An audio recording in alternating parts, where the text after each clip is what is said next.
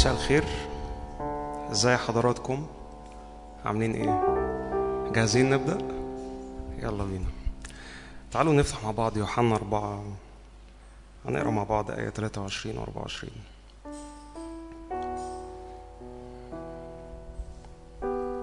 قبل ما الكلمات تطلع آه، ده كان الحديث اللي كان بين الرب يسوع والمرأة السامرية. وفي الحقيقة اداها مفتاح مهم قوي قوي قوي قوي وبالنسبة لي المفتاح ده آه، مش بس قاله لها في زمانهم لكن المفتاح ده ممتد لكل جيل بيجي آه، بيملك عليه الرب. فأنا نفسي آه، نبدأ وقتنا وإحنا يعني بندخل بالمفتاح ده. بيقول كده في عدد 23 يسوع بيقول لها ولكن تأتي ساعة وهي الآن حين الساجدون الحقيقيون يسجدون للآب بالروح والحق لأن الآب طالب مثل هؤلاء الساجدين له.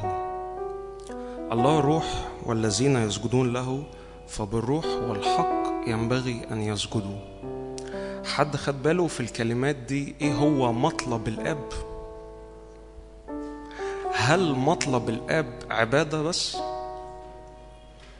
مطلب الأب مش عبادة مطلب الأب عابدين وساجدين بالروح والحق. طب فهل في المطلب ده يسوع لما جه قال لها كده هل هو المطلب ده ناقص في السماء مثلا؟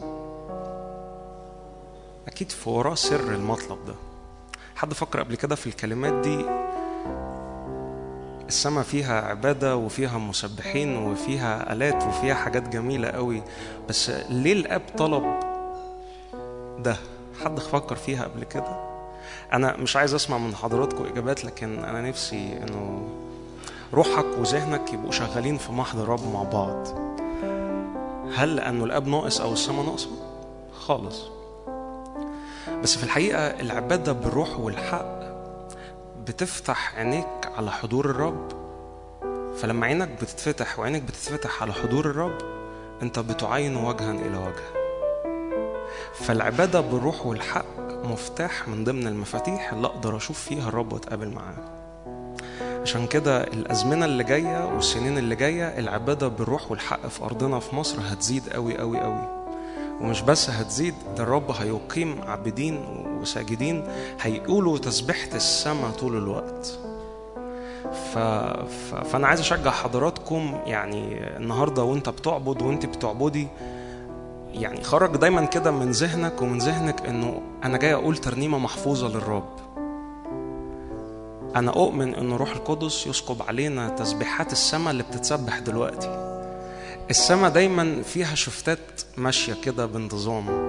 فأنا نفسي الرب يفتح ودنا فنسمع اللي في السماء فنجيب اللي في السماء على الأرض.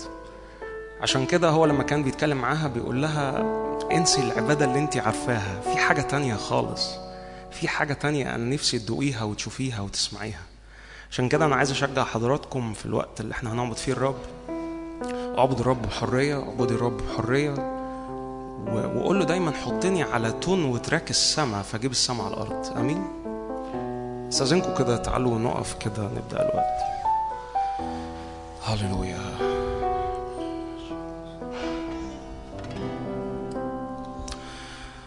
هللويا. بابا السماوي تقل حضورك على كل حد هنا. بابا السماوي أنا بصلي كده إحنا بنعلن اتاحتنا ليك الوقت ده. أنا بصلي مقابلات معاك وجها إلى وجه. مقابلات مع شخصك وجها إلى وجه. خد عينينا خد قلوبنا خد أرواحنا. ثبتها عليك ثبتها على شخصك الوقت ده. يا رب أشكرك لأنه مكتوب من التصق بالرب فهو روح واحد. وأنا بعلن أنا وإخواتي وكل حد لسه هيجي التصاق بشخصك الوقت ده. يا روح الله أنا بصلي كده إنه تيجي تطلق من قلوبنا وأرواحنا عبادة بروح والحق. أنا جاي أحقق مطلب الآب في هذا المكان. أنا جاي بعلن كده ما هذا إلا بيت الله. هذا باب السماء. ملايكة صاعدة ونازلة على يسوع. شجعك كده وشجعك كده في بداية الوقت كده ارفع إيدك للسماء وقول له يا روح الله أنا بتحد بيك النهاردة في عبادة بالروح والحق عشان أكرم الملك أكرم يسوع الجالس على العرش. هاللويا أنا بصلي مش مجرد ترديد كلمات بنرددها لكن إدراك إحنا بنقول إيه فين؟ فإحنا أنا بعلن يا رب إن إحنا بندخل إلى العرش ندخل إلى قدس أقداس الملك. هاللويا لأنه كلمتك بتشجعنا. لنا ثقة بالدخول إلى الأقداس. على حساب دمك على حساب نعمتك. فاعلن كده وأنت واقف. اعلني كده وأنت واقفة أنا بدخل إلى قدس أقداس الملك. أنا بدخل إلى العرش. أنا أنا بدخل لمكاني ودايرة حضور الرب فيها. فبتحد مع الملائكة بتحد مع ال 24 شيخ بتحد مع الأربع حيوانات. في عبادة شغالة طول الوقت. أنا بصلي كده إن الرب يفتح عينينا واذهاننا وأرواحنا وعيوننا على مشهد وعبادة السماء اللي شغالة دلوقتي. هللويا هللويا.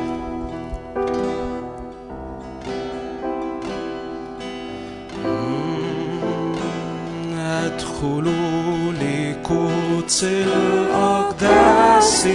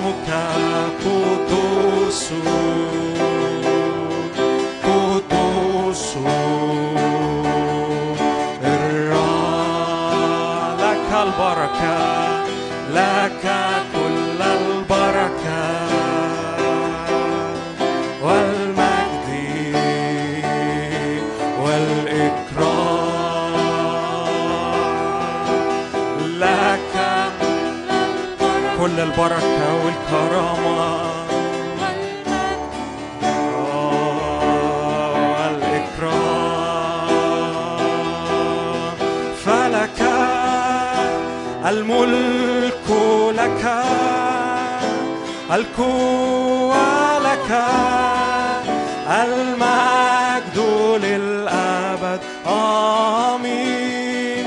فلك الملك لك القوة لك المجد للأبد.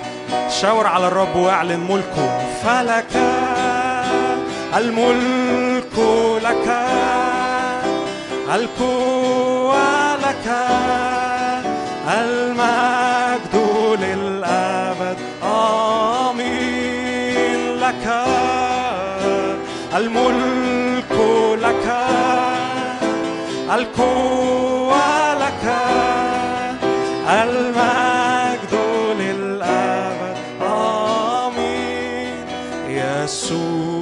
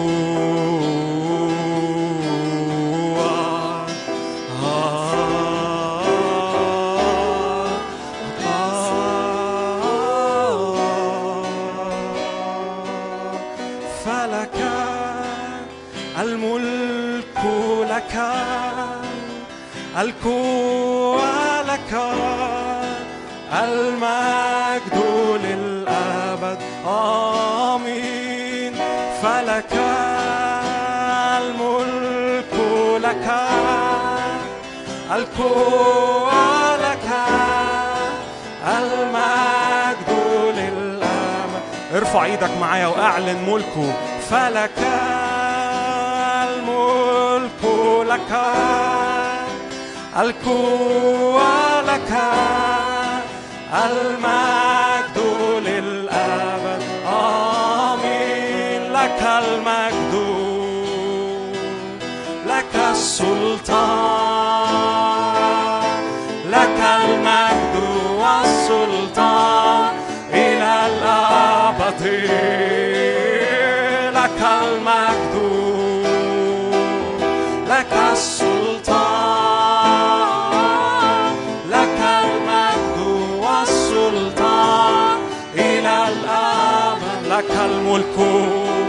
لك الملك لك السلطان لك المجد والسلطان إلى الأبد. مبارك الملك الآتي باسم الرب. مبارك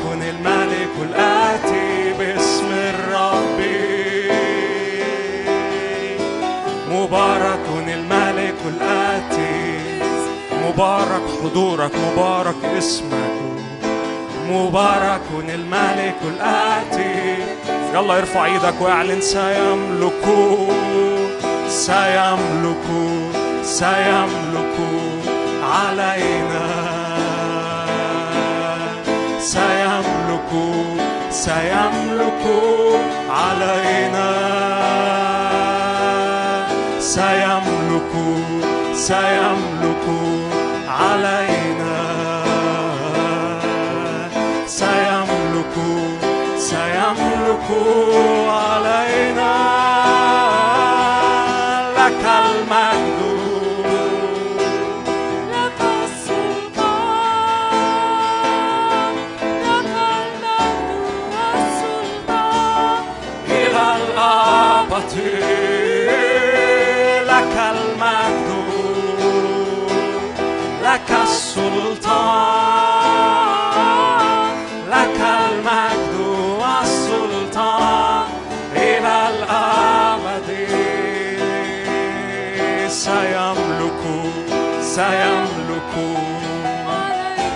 كل الملك لاسمه. سيملك ارفع إيدك واعلن ملكه للرب الأرض وملؤها. سيم المسكونة وكل الساكنين فيها. نعلن ملك يهوه سيملك سيملك علينا.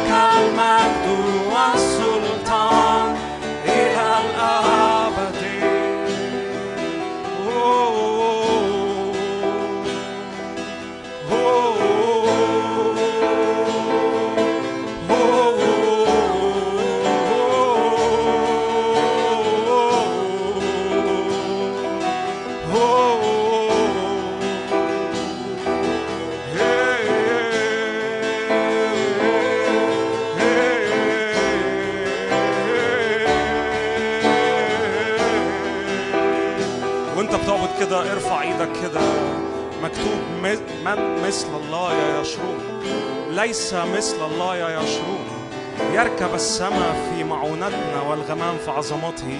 أعلن كده الرب يركب لي السماء.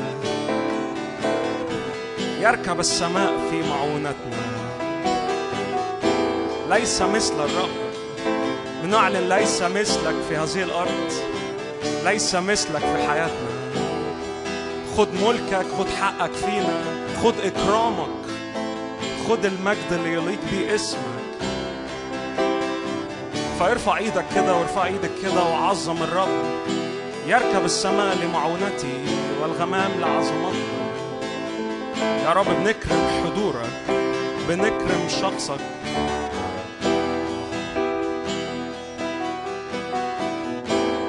هاليلويا أنت مكرم أنت مسبح أنت ممجد.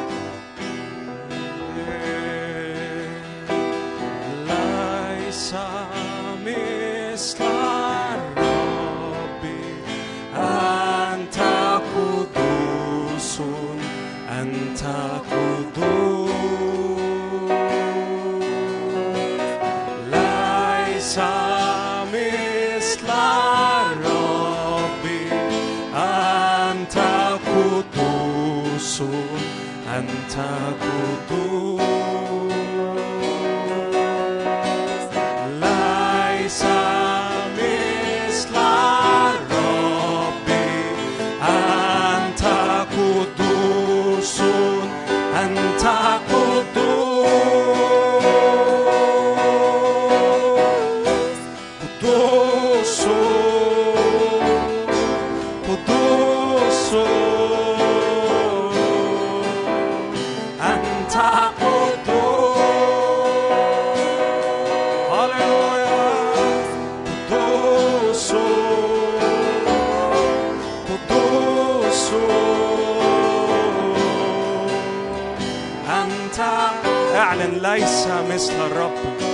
ليس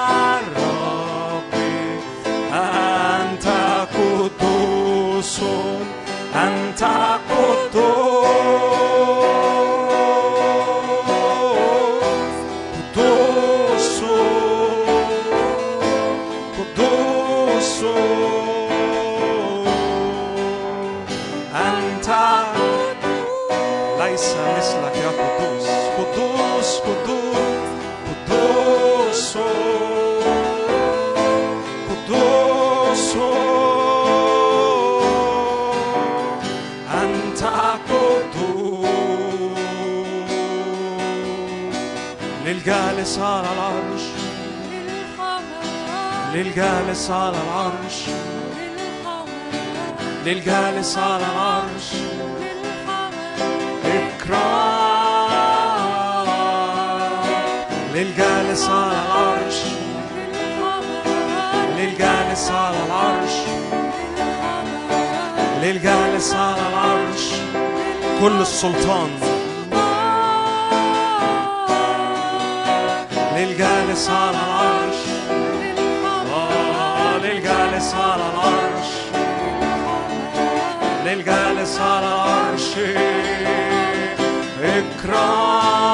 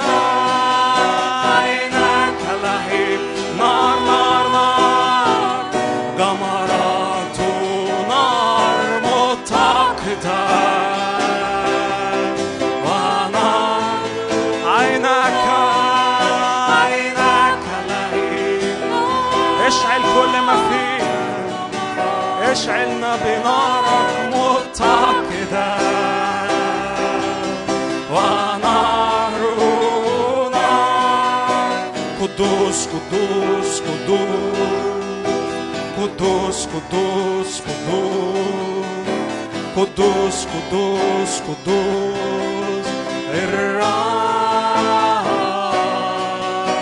Κοντός, κοντός, κοντός, κοντός, κοντός, κοντός, κοντός, κοντός.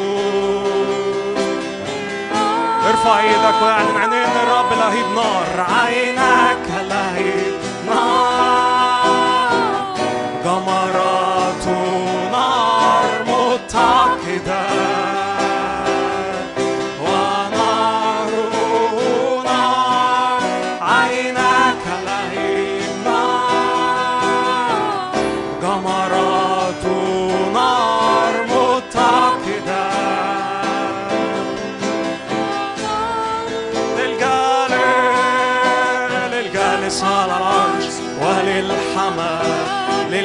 على العرش وللحمل للجالس على العرش وللحمل إكرام.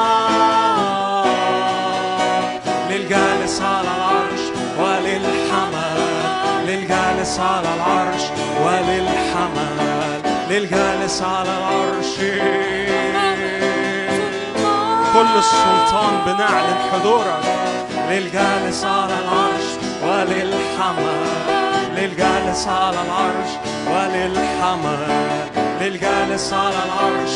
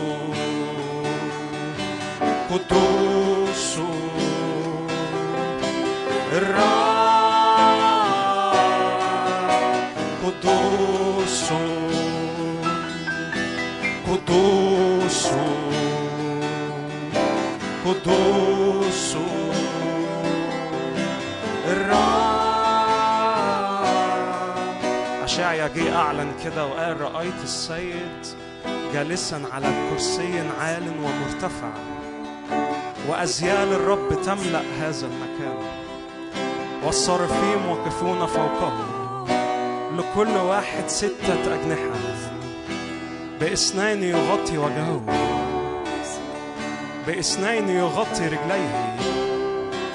بإثنين يغطي وجهه. قل له افتح عيني على مشاهد السماء. هذا نادى ذاك وقال قدوس قدوس قدوس رب الجنود مجدك ملء كل الأرض. نعم أؤمن كده. فاهتزت أساسات العتب من صوت الصارخ. وامتلأ البيت دخانا شجعك كده ارفع إيدك كده وأعلن. حضور ومهابة الرب وقداسة الرب تحل عليا حضور الرب وتقله حضور الرب يملى كل كياني. في محضر الرب نتقدس إلى تلك الصورة عينها. في محضر الرب نتغير إلى تلك الصورة عينها.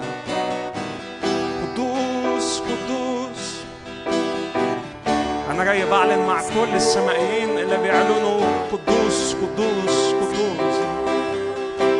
ده مجدك بيملى كل الأرض.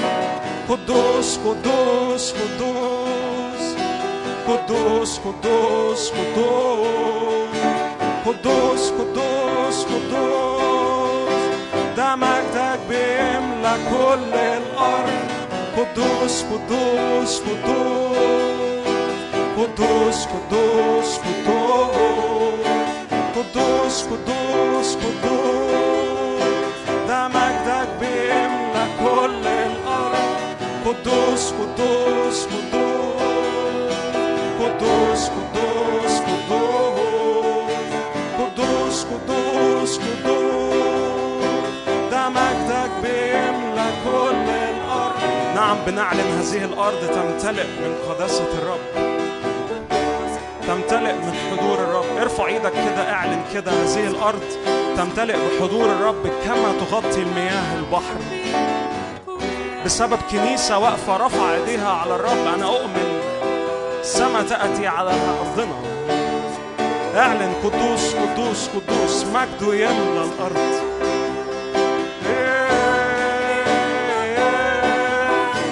قدوس قدوس قدوس. σκοτός, σκοτός, σκοτός, σκοτός, σκοτός. Τα μακτακμπέμ, τα κόλλελ, σκοτός, σκοτός, σκοτός, σκοτός, σκοτός.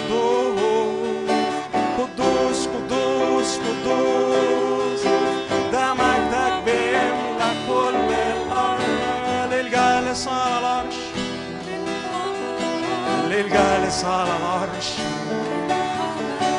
للجالس على العرش.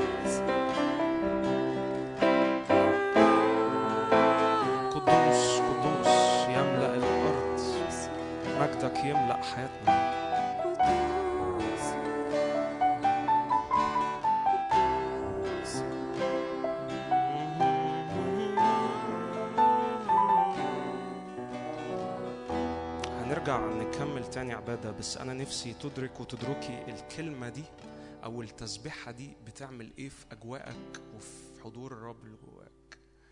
مكتوب عن الملائكة في سفر الرؤيا بتقول لا تزال نهارا وليلا. قائلة إيه؟ حد عارف؟ قائلة قدوس قدوس قدوس مجد وملء كل الأرض. حد فكر قبل كده هما ما بيزهقوش؟ ما بيملوش؟ ما بيتعبوش؟ إيه السر إن هما يوحنا بيقول كده لا تزال نهارا وليلا والسماء ما فيهاش وقت. فبحسب فكر يوحنا كان بيقول إنه هما شغالين طول الوقت منذ الأزل إلى الأبد بيرددوا قدوس إيه الفكرة؟ إيه اللي مخليهم بيرددوها طول الوقت؟ عايز أقول لك على سر وعايز أقول لك على إعلان في الحتة دي. في كل مرة بيقفوا فيها قدام الرب وبيقولوا قدوس قدوس قدوس عينيهم بتتفتح على بعد أعمق من قداسة الرب. عشان كده يقول لك عليهم ملقانين عيون. حد هنا يقول يا رب املأني عيون تشوفك في الروح. السر ورا وهم بيعبدوا هم شايفين حاجة في قمة الروعة شايفين حاجة في قمة الجمال شايفين حاجة في قمة الحلاوة. فطول ما هم بيرددوا الكلمة دي عينيهم الروحية بتتفتح على بعد أعمق. فيقول لك بعد أعمق من اللي قبليه. فيرددوا. ومش بس كده ده مش بيقولوها زي ما إحنا بنقول ده بيصرخوها. أنا أؤمن وإحنا واقفين قدام الرب وبنعلن قدوس مش بس عينينا تتفتح على حضور الرب ده قداسة الرب تملى كل كياننا تملى إنساننا الروحي وتملى نفسياتنا حد يصدق معايا وحد عنده إيمان. عشان كده وأنت بتعبد الرب ما تقلقش وما تقلقيش من إنه الرب بيديك عيون تشوفوا بيها. عشان كده يوحنا يقول لك ملقانين عيون من داخل ومن وراء. إيه السر؟ السر لأن هم واقفين قدام الكامل. بيعلنوا قدوس قدوس قدوس. عايز أشجعكم كده ممكن أستأذنكم وقفوا كده. إحنا هنردد الكلمات دي تاني بس زي ما كنا بنتفق في أول اجتماع ما تاخدهاش كترنيمة محفوظة حلوة بتهلب مشاعرك. أنت واقف قدام الرب. أنت واقفة قدام الرب. فالرب بيعمل حاجة في نفسيتك وفي نفسيتك. هاليلويا ارفع إيدك كده معايا كده وابدأ ردد الكلمة دي. قدوس قدوس قدوس. عيدها تاني عيدها تالت. ما تملش منها ما تمليش منها. تسبيحة السماء اللي شغالة. قدوس قدوس قدوس. أصل كلمة قدوس يعني الكائن والكامل في حبه. فأنت واقف قدامه وأنت واقفة قدامه بتقول له أنت كامل. استقبل كده دي في روحك. فاكرين يسوع لما كان بيقول كونوا كاملين لأن أباكم الذي في السماوات كامل؟ بحسب فكر التدين يقول لك مفيش حاجة اسمها كده بس ده بيحصل إمتى؟ وأنت واقف قدام رب بتقول له أنت كامل أنت كامل أنت كامل فكماله بيجي على حياتك. كم حد مصدق؟ فاقف قدامه كده و... وأنت بتسمع المزيكا اعبد وقول قدوس. خلي كماله وقداسته يجوا على كل مناطق في حياتنا تيجي على نفسياتنا تملاها بكمال وقداسة غير عادية. يا روح الله املى شعبك عيون يعرفوا يشوفوك وهم بيسبحوك وبيقولوا قدوس. املى شعبك عيون. قول له املأني بالعيون اللي تعرف تشوفك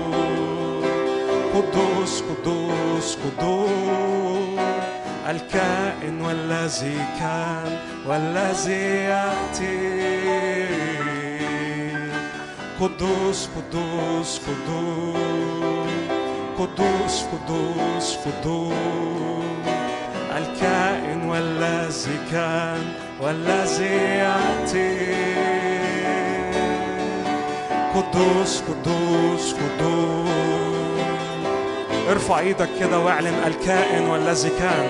الكائن والذي كان والذي يأتي. قدوس قدوس قدوس. قدوس قدوس قدوس. الكائن والذي كان والذي يأتي.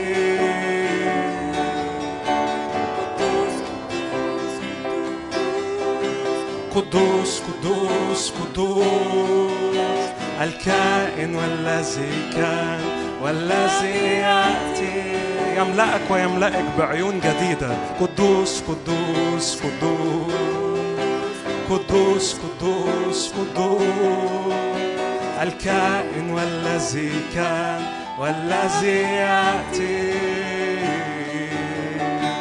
قدوس قدوس قدوس.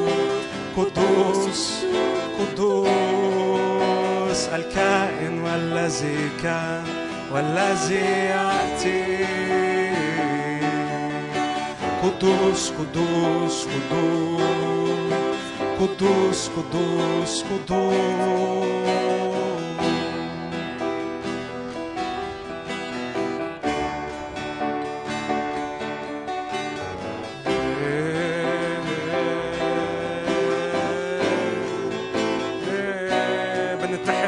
كل السماء اللي بتعلن ملكه واللي بتعلن إنه الرب هو الكائن والذي كان والذي يأتي. ردد كده الكلمات دي كده قدوس قدوس قدوس الذي أنا واقف أمامه هو الكائن والذي كان والذي يأتي. هللويا بنعظمك يا رب بنكرمك بنرفعك فوق كل اسم. هللويا.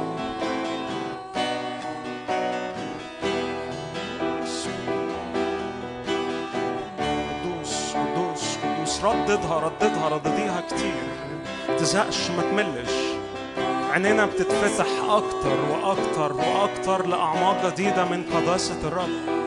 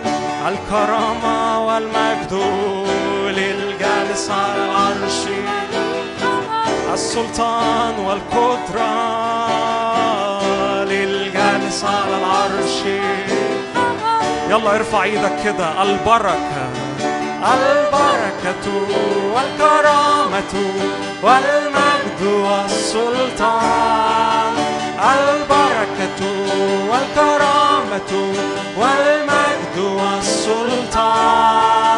البركة والكرامة والمجد والسلطان. للأبد.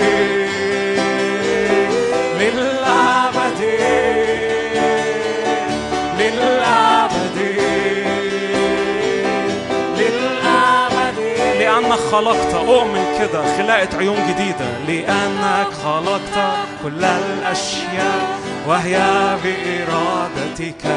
كائنة وخلقا وخلقا. لأنك خلقت كل الأشياء وهي بإرادتك. كائنة وخلقا. وخلقا مستحق أيها الرب أن تأخذ المجد. مستحق أيها الرب أن تأخذ الكرامة. مستحق أيها الرب أن تأخذ القدرة. مستحق أيها الرب أن تأخذ السلطان للأبد. للأبد. للأبد. للأبد. لأنك سبحت لأنك سبحت اشتريتنا. كل شعب وأمة ولسان. يلا شاور عليه شاوري عليه. لأنك سبحت اشتريتنا لله بدمك. من كل شعب وأمة ولسان. مستحق أيها الرب أن تأخذ المجد.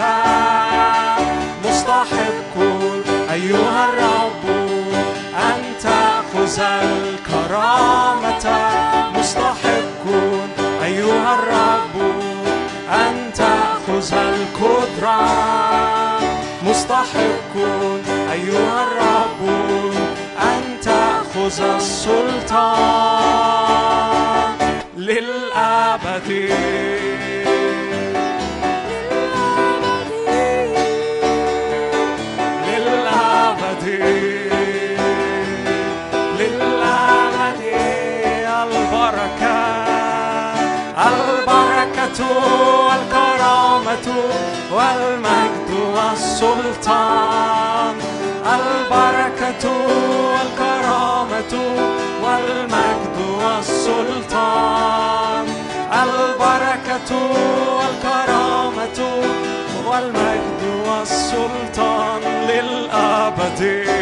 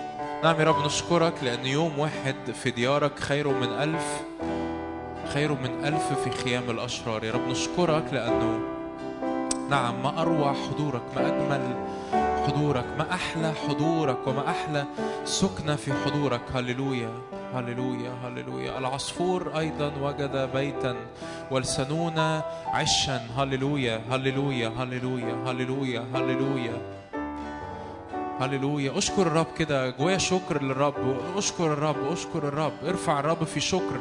قول يا رب شكرا لأنه لأنه لحظات يا رب في حضورك بتغسل تعب. مش عارف يعني انت مختبر ده ولا لأ بس أنا أؤمن إنه كتير مختبرين ده وكتير داقوا اللي أنا بقوله ده إنه لحظات في حضور الرب بتغسل بتغسل تعب أيام وبتغسل تعب أسابيع. ودي معجزة دي معجزة. اوعى اوعى تحس أو اوعى تتعامل مع الأمر ده على إنه حاجة عادية أو أو okay يعني ماشي يعديها. no no قول له رب أشكرك لأنه لحظات في حضورك. لأنه دقايق في أجواء العبادة وأجواء التسبيح بيغسل أتعاب وبيغسل أحمال وبيغسل أمور مرمية و... و... وقذر العالم ودوشة العالم وأتقال العالم وأتقال الخطية وأحمال العالم وأحمال الأيام وأحمال الظروف وأحمال التحديات. نعم يا رب أشكرك لأنه لأن الوقوف على العتبة خير من السكنه في خيام الأشرار. الوقوف على العتبة خير من السكنة في خيام الأشرار.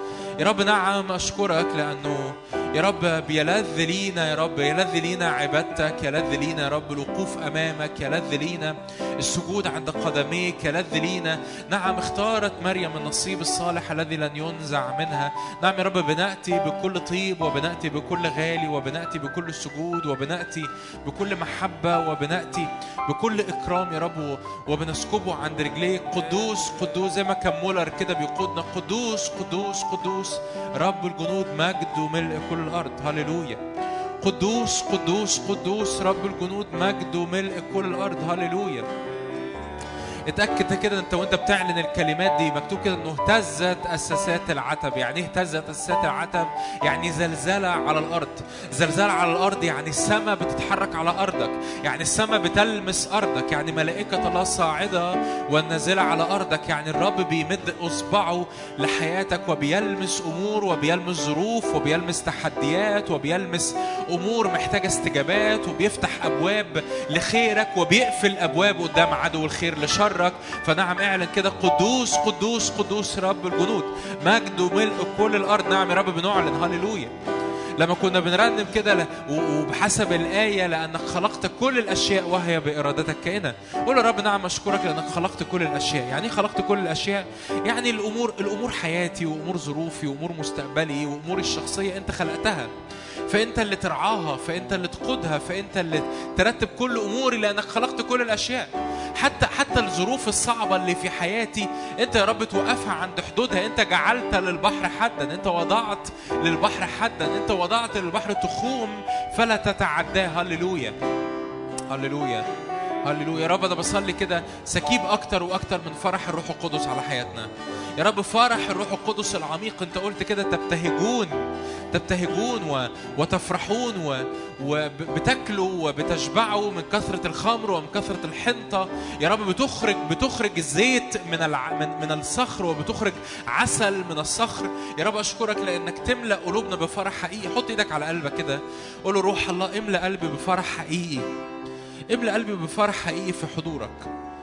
املأ قلبي بفرح حقيقي في حضورك. فرح ليس من هذا العالم. فرح لا يستطيع أحد أن ينزعه.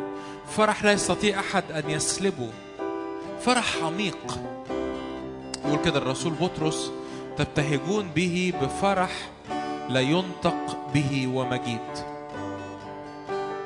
يا رب علمنا نبتهج في حضورك. بفرح لا ينطق به ومجيد. علمنا يا رب نشبع من الدسم النازل فنبتهج بفرح لا ينطق به ومجيد. لأن ما أحلى حضورك ما أبهج حضورك في اسم يسوع. كل تفشيل كان مرمي عليك الوقت اللي فات. في اسم الرب يسوع يرفع الآن بالكامل في اسم يسوع. كل تفشيل كده وكل انحناء كل كل حد هنا كان معيا جدا. كل إعياء اترمى عليك اترمى عليك. وحاسس إن أنت منحني جدا وحاسس إنت مش قادر تكمل لقدام ومش قادر تزق لقدام وكأنك بتعافر بالعافية عشان تكمل لقدام. في اسم الرب يسوع يرفع من على قلبك يرفع من على قلبك الآن في اسم يسوع. كل انحناء كل تعب كل تفشيل لأن منتظر الرب. نعم يجددون قوة. هللويا. يرفعون أجنحة كالنسور في اسم يسوع. نعم يا رب نرفع أجنحة كالنسور نرفع أجنحة كالنسور نرفع أجنحة كالنسور نرقد ولا نتعب نمشي ولا نعيا في اسم الرب يسوع. هللويا سلام الرب الذي يفوق كل عقل. يحفظ قلبك يحفظ نفسك يحفظ أفكارك يحفظ مشاعرك. ينفع ترفع إيدك كده بسلطان وتعلن نعم يا رب سلامك. سلامك يتقدمني. ده وعد ده دي كلمة الرب ده مش ده مش كلمة خادم. الرب قال كده سلامي أترك لكم سلامي أعطيكم ليس كما يعطي العالم أعطيكم أنا. يا رب أشكرك لأن سلامك يملى حياتي. سلامك يتقدم أيامي سلامك يتقدم مستقبلي سلامك يقودني في كل أمر. هللويا هللويا. أنا بستقبل سلام السماء. ده سلام عكس المنطق سلام عكس الواقع سلام عكس الظروف. ده سلام الله الذي يفوق كل عقل. كل عقل. اشبع في دسم في أنا مش مش عايزك تفوت اللحظة يعني مش عايزك تفوت اللي حاصل.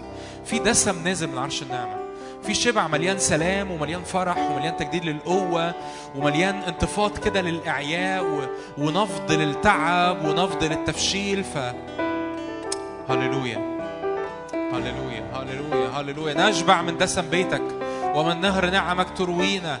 نشبع من دسم بيتك ومن نهر نعمك تروينا. هللويا هللويا. اعتبر يعني في في حاجة غالية بتنسكب فاعتبر كأن في خادم بيصلي لك بوضع اليد. فاستقبل استقبل بإيمان. الرب الرب بنفسه بيحط إيده على راسك. فاستقبل بإيمان. الرب بنفسه بيحط إيده على راسك. فاستقبلي بإيمان. استقبلي بإيمان تجديد استقبلي بإيمان انتعاش استقبلي بإيمان فرح استقبلي بإيمان سلام استقبلي بإيمان قوة استقبلي بإيمان نفض لكل إعياء وكل تعب استقبل بإيمان كده آه، رؤية للأمام وكل تشتيت وكل دوشة كانت حاصلة ترفع بالكامل. استقبل بإيمان.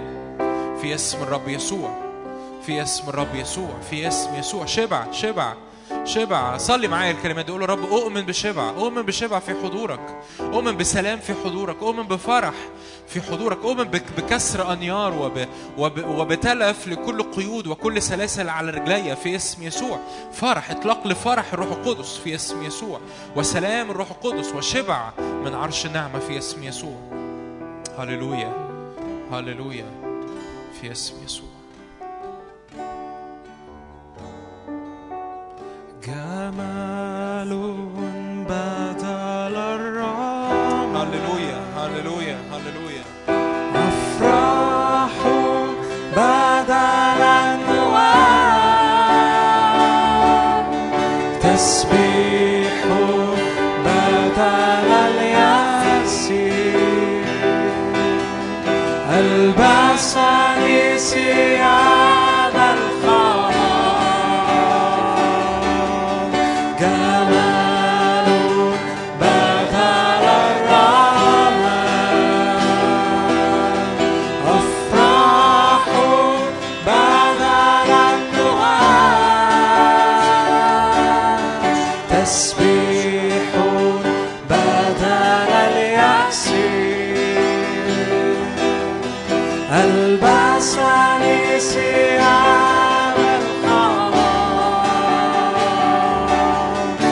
وسيرى مجد الرب علينا.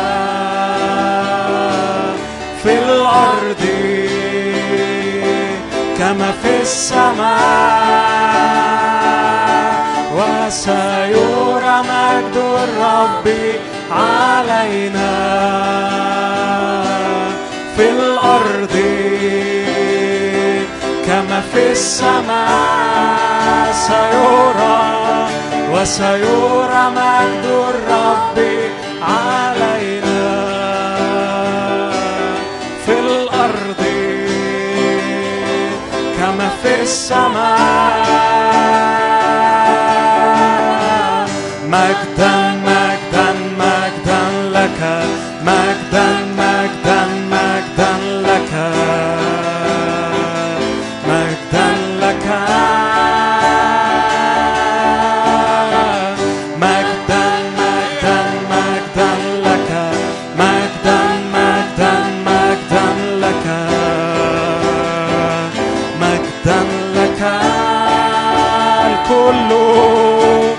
الكل في هيكله قائل مجدا كل في هيكله قائل مجدا الكل في هيكله قائل مجدا مجدا لاسمك. الكل في هيكله قائل مجدا الكل في هيكله قائل مجدا الكل في هيكله قائل مجدا مجدا لاسمك. لاسمك مجدا لاسمك. مجدا لاسمك. مجدا لاسمك. مجدا لاسمك. مجدا لاسمك. مجدا لاسمك. مجدا لاسمك. وسيرى مجد الرب علينا. في الأرض كما في السماء. وسيرى مجد الرب علينا. في الأرض كما في السماء. مجدا dá.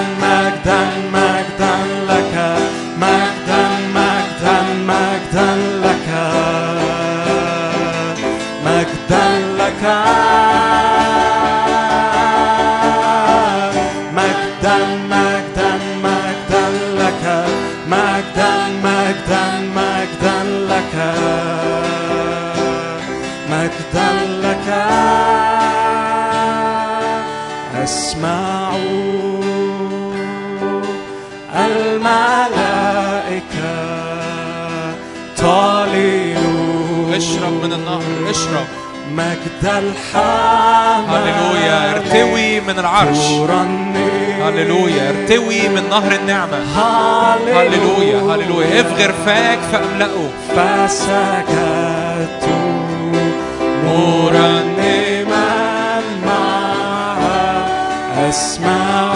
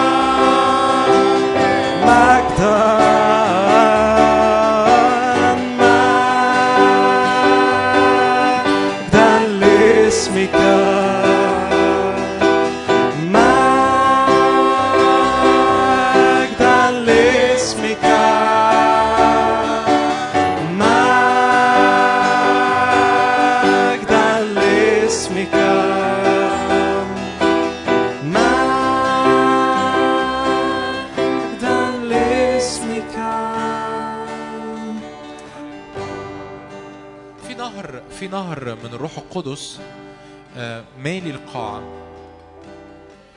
وأنا مش مش بتنبأ أنا بقولك على اللي حاصل في الروح. وجوايا كده تعبير عمال يتردد وعايز أقوله يمكن ما تفهموش بس هقوله خلاص خلي النهر يحملك سيب نفسك شوية. في ناس هنا محتاجة تسيب نفسها. انسى نفسك. في ترنيمة قديمة تقول كده فانسى نفس- نفسك اذا وفكرن فيه واعبده انسى نفسك شوية. انسى اللي انت جاي بيه انسى اللي انت جاي محملة بيه انسى حتى الصلوة اللي انت مستني تصليها فيحصل فيها استجابة. سيب النهر يحملك سيب النهر يحملك. سيب النهر يرفعك. عارفين اللي بيتعلم العوم لو قعد يطرطش زيادة في المية هيغرق مش هيعوم. حد حد أنتوا اسكندرانية المفروض عارفين اللي أنا بقوله ده. لو حد بيحاول يتعلم العوم وقعد يدبدب زيادة في المية هينزل لتحت. سيب نفسك. سيب نفسك سيب نفسك سيب الرب يحملك سيب الرب يشبعك سيب الرب يتكلم. ما تتكلمش انت سيب الرب هو اللي يقود ال... الوقت بتاع العبادة وقت الصلاة وقت الكلمة. سيب الرب هو اللي يرفعك سيب الرب هو اللي كتير بنبقى مزنوقين في احتياجات والرب بيتكلم في- وادي تاني خالص الرب بيتكلم في قصة تانية خالص. قول له نعم يا رب أشكرك لأنه أنا أنا بسيب نفسي في اللحظات دي بسيب بسيب لك أنت عجلة القيادة بسيب لك أنت تدفى أنت تقود وأنت تمشي وأنت ترفع أنت تحمل. الرب قال كده عن نفسه في سفر إشعيا أنا هو أنا أحمل وأنا أرفع إلى الشيبة وإلى الشيخوخة أنا أحمل. نعم يا رب أشكرك لأنك تحمل. أنت تحملني حيث تشاء. أنت تقودني حيث تشاء أنت ترفع حياتي. هللويا هللويا. مين اللي ضحك عليا وقال لي إن أنا فاهم إزاي أمشي حياتي؟ مين اللي ضحك عليا وقال لي إن أنا فاهم أنا محتاج إيه. وإيه المفروض يحصل وإيه الاستجابات اللي المفروض تحصل في حياتي عشان الدنيا تتظبط؟ مين اللي ضحك عليا وقال إن أنا قائد حياتي؟ يا رب أنا بسيب لك عجلة القيادة أنا بسيب لك دفة السفينة. نعم يا رب أشكرك لأني أحمل أحمل أحمل على أجنحة النسور. هللويا هللويا هللويا. قول يا رب أنا نعم افتح عيني افتح عينين يا رب هنا عشان نرى النهر وعشان نشرب من النهر وعشان نرتوي من النهر. هللويا هللويا. عايز عايز قبل ما نرنم الترنيمة اللي جاية عايز اسيب لك لحظات كده صلي فيها اتكلم فيها مع الرب. لو بتصلي بالروح لو بتصلي بألسنة صلي بألسنة. صلي بالذهن صلي بالذهن. بس اشرب اشرب من النهر. لأن في مياه خارجة بترفعنا في مياه خارجة بتحملنا في مياه خارجة كما يشتاق الايل إلى جداول المياه. نعم يا رب إحنا مشتاقين إحنا مشتاقين إحنا جايين عند جداول المياه ومشتاقين هللويا هو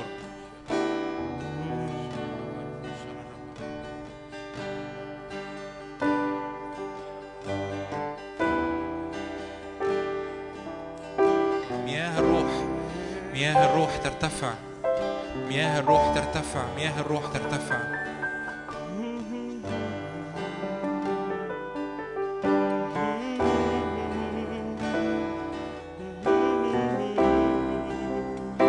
مياه الروح ترتفع. أرسل روحك يحملنا ويأتي بنا.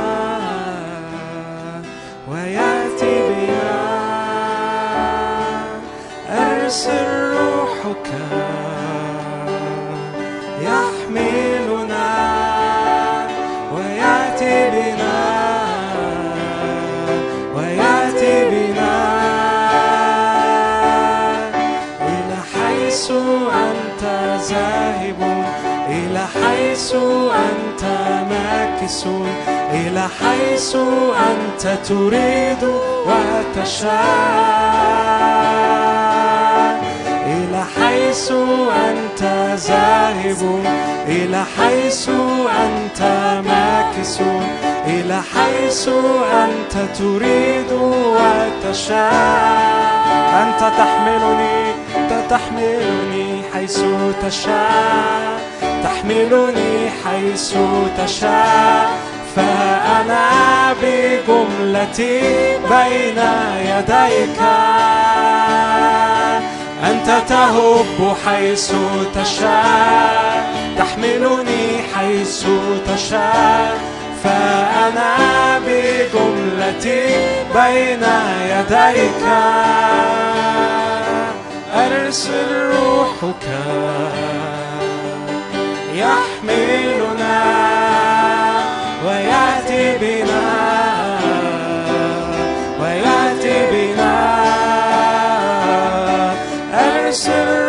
روحك يحملنا ويأتي بنا ويأتي بنا إلى حيث أبصر مجدك إلى حيث أبصر وجهك إلى حيث أنت تريد. أن إلى حيث حيث أبصر مجدك إلى حيث أبصر وجهك إلى حيث أنت تريد وتشاء. أنت تهب حيث تشاء تحملني حيث تشاء. فأنا بجملتي بين يديك. أنت تهب تحملني. فأنا بجملتي. أنا متاح لي أنا متاح لي افعل بيا كل ما يحلو في عيني. أنا متاح متاح لي افعل بيا كل ما يحلو. أنا متاح أنا متاح لي أنا متاح لي افعل بيا كل ما يحلو. في عيني. هطلب طلب ما ما بنطلبوش عادة. عايزك تقعد. تعالوا نقعد تعالوا نقعد كلنا نقعد اقعد. وافتح إيدك قدامك. لأنه في في دهنة مليانة راحة مليانة سلام. وبالرغم من انه مش العادي ان إحنا نعبد الرب وإحنا قاعدين لكن في أمر من روح قدس عايز يعمله. فاستقبل استقبل. هو يدخلني هو هو إلى مياه الراحة يوردني. وقف كل معافرة وقف كل دوشة وقف كل صوت عالي حتى أوقات بنعافر حتى في الأمور الروحية. كأنه لما رنم جامد شوية ربنا يقتنع أو ربنا يتحرك كده لما أزق لي شوية. مفيش أي زق أنت محتاج تعمله في الحضور الإلهي. مد إيدك قدامك وأنت قاعد وقول له ببساطة يا رب أنا أنا أنا جاي أشبع في اللحظات دي. يا رب أنا أؤمن إنك تعمل غسيل رجلين روحي غسيل رجلين لأرواحنا ولنفسياتنا ولمشاعرنا ولكل إعياء ولكل تعب وكل تعب الطريق وكل إجهاد السنة اللي فاتت. كل إجهاد السنة اللي فاتت. ينفع ربنا يغسل إجهاد السنة كاملة في قعدة؟ يس. أؤمن يا رب. أنا أؤمن. أنا أؤمن إنك تغسل كل إجهاد الطريق وكل إعياء الطريق وكل كل حزن وكل ألم وكل تفشيل وكل فقد فقد أشخاص أو فقد مادي أو فقد نفسي. هللويا. هللويا. إن عشنا إن عشنا إن عشنا يا روح الله. إن عشنا. إن عشنا. نعم لأن كل كل من يأتي إلى النهر يحيا. هللويا. انت بتحيي بتحيي العظام وبتحيي ال- ال- البحر اللي اتملى بالملح واتملى بالمرارة واتملى بالموت انت بتحيي وبتنعش وبتجدد القوة. هللويا. أنا بتكلم سلام لكل ذهن هنا في اسم يسوع. في حضور الآن من روح قدس بالسلام فعايزك تستقبل منه. بتكلم سلام لذهنك وسلام لاضطرابك وسلام لمشاعرك. بصلي سلام وتسليم في اسم يسوع. تسليم للطرق وتسليم للسكك وتسليم للمخاوف. مجرد يعني إيه تسليم؟ يعني بترميها قدام الرب تقول يا رب أنت بتفهم أكتر مني في أي حاجة أنا خايف عليها. أنت تفهم أكتر مني في مستقبلي وفي شغلي وفي بيتي وفي تربية عيالي وفي ظروفي وفي فلوسي وفي الأمور الروحية وفي الخدمة وفي كل أمر. أنت بتفهم أكتر مني. فأنا بسلم أنا بعمل تسليم. أنا برمي كل أمر آه، ببساطة من غير ما بتمسك بيه من غير ما اتمسك باستجابات محددة من غير ما اتمسك بشكل محدد.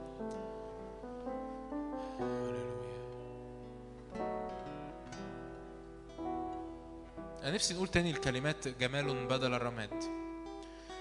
و... ولو أنت قاعد واستقبلها. يعني استقبلها مش مش بتطلبها. انت مش بتطلب يا رب أنا عايز جمال بدل الرماد لا انت انت بتصدقها. يا رب أنا مصدق إنه وأنا برفع يدي عاليا لله أنت بتسكب جمال بدل الرماد. ودهن فرح عوضا عن النوح ورداء تسبيح عوضا عن الروح اليأس. أنت بتصدق أنا بصدق يا رب إن ده عملك. ده عمل يسوع اللي روح السيد الرب هو قال كده روح السيد الرب عليا لأن الرب مسحني. ده عمله لأبشر المساكين. أرسلني لأشفي منكسر القلوب هو اللي قال كده أعطيهم جمالا بدل الرماد. دهن فرح عوض عن نوح رداء تسبيح عوض عن الروح الياسي فاستقبله ما تصليهاش.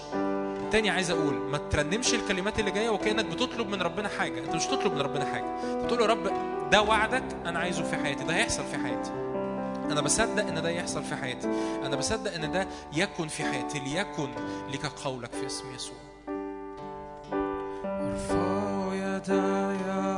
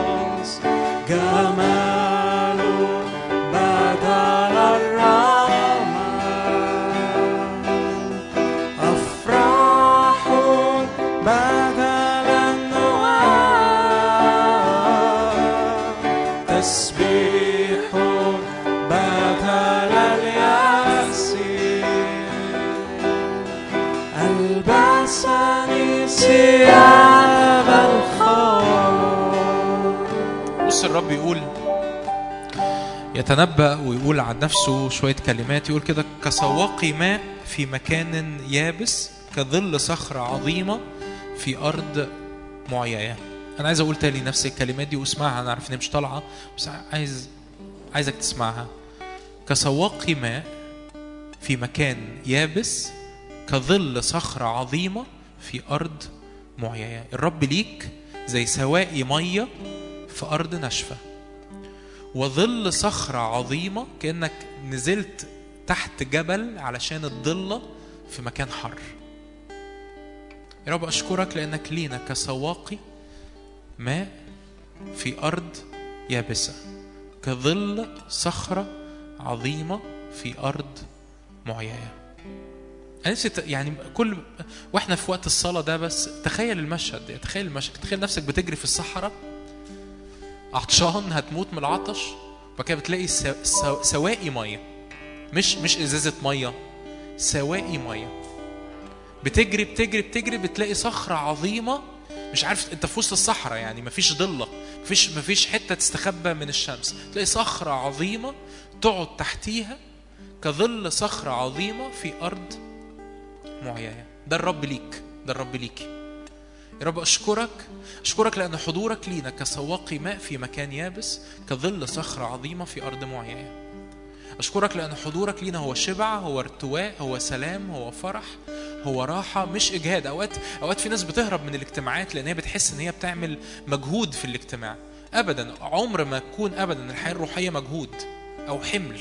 بالعكس الحياة الروحية هي هي سكنة هي سكنة في الحضور الإلهي هي سكنة تحت ظل جناحين الرب وهو بيحملنا بالنعمة. إحنا بنجتهد الكتاب بيقول كده بنجتهد أن ندخل تلك الراحة إن بنجتهد إن إحنا ندخل نستريح. مش بنجتهد إن إحنا نتعب زيادة قدام ربنا. يا رب أشكرك لأنك لينا لأنك لينا كسواقي ماء. في أرض يابسة كظل صخرة. ارفع إيدك كده معايا وإحنا بنختم وقتنا نقول يا رب أشكرك لأنك مية في أرض يابسة كظل صخرة عظيمة في أرض معينة. أشكرك لأنك تظللني وتشبعني وترويني من حضورك في اسم يسوع. ما أمجد حضورك ما أجمل حضورك. قد إيه حضورك مشبع قد إيه حضورك مروي. قد إيه حضورك مليان سلام ونعمة لحياتنا ولنفوسنا. بنحبك من كل قلب يا رب. بنحبك من كل قلب. في اسم يسوع. آمين. آمين. آمين. مساء الخير. ما رحبناش بمولر. حد رحب بمولر؟ تيجوا نرحب بمولر؟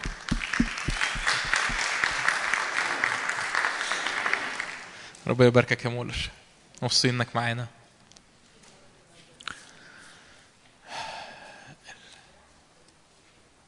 آه أنا ما أعرفش اسمه. اخو أخويا اللي كان بيلعب كيبورد اسمه إيه؟ فادي. نشكر فادي. فين في في راح فين؟ نشكر. مش هو راح فين. مش لاقيين فادي. هللويا. شكرا شكرا. إحنا بنجتهد أن ندخل الراحة.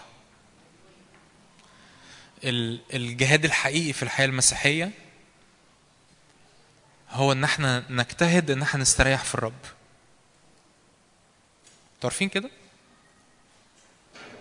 الجهاد الحقيقي في الحياة الم... يعني ليه بنصلي؟ ليه بنقرأ الكلمة؟ ليه بن... ليه بنصوم حتى؟ ليه بن...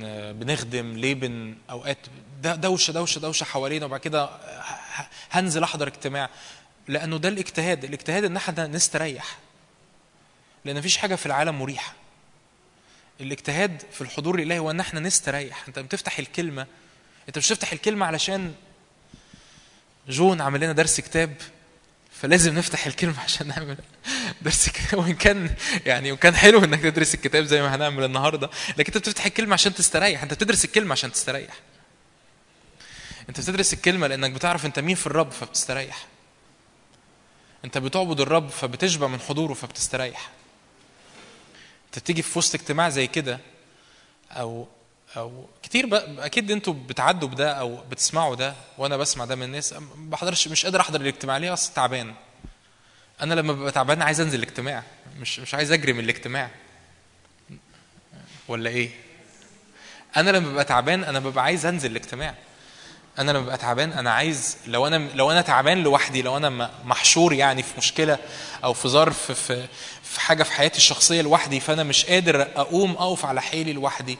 فأنا محتاج أحضر الاجتماع لأنه آه، وجودي في وسط المسحة الجماعية وجودي وسط حضور الروح القدس على الجماعة لأنه هو قال كده مثل الدهن الطيب النازل على الرأس إلى اللحية حتى طرف الثياب ده إمتى؟ ده ما أحسن وما اجمل أن يسكن الإيه؟ الإخوة معا. فأنا لما باجي في وسط الاجتماع أنا بنتعش. وده وده المفروض يبقى الطبيعي في اجتماعاتنا والطبيعي في خلواتنا. كتير كتير ب... ب... ما بنختبرش ده مش بسبب إن الاجتماع وحش أو بسبب إن الخلوة وحشة. كتير ما بنختبرش ده لأن أنا داخل بعقلية بص لربنا بطريقه مختلفه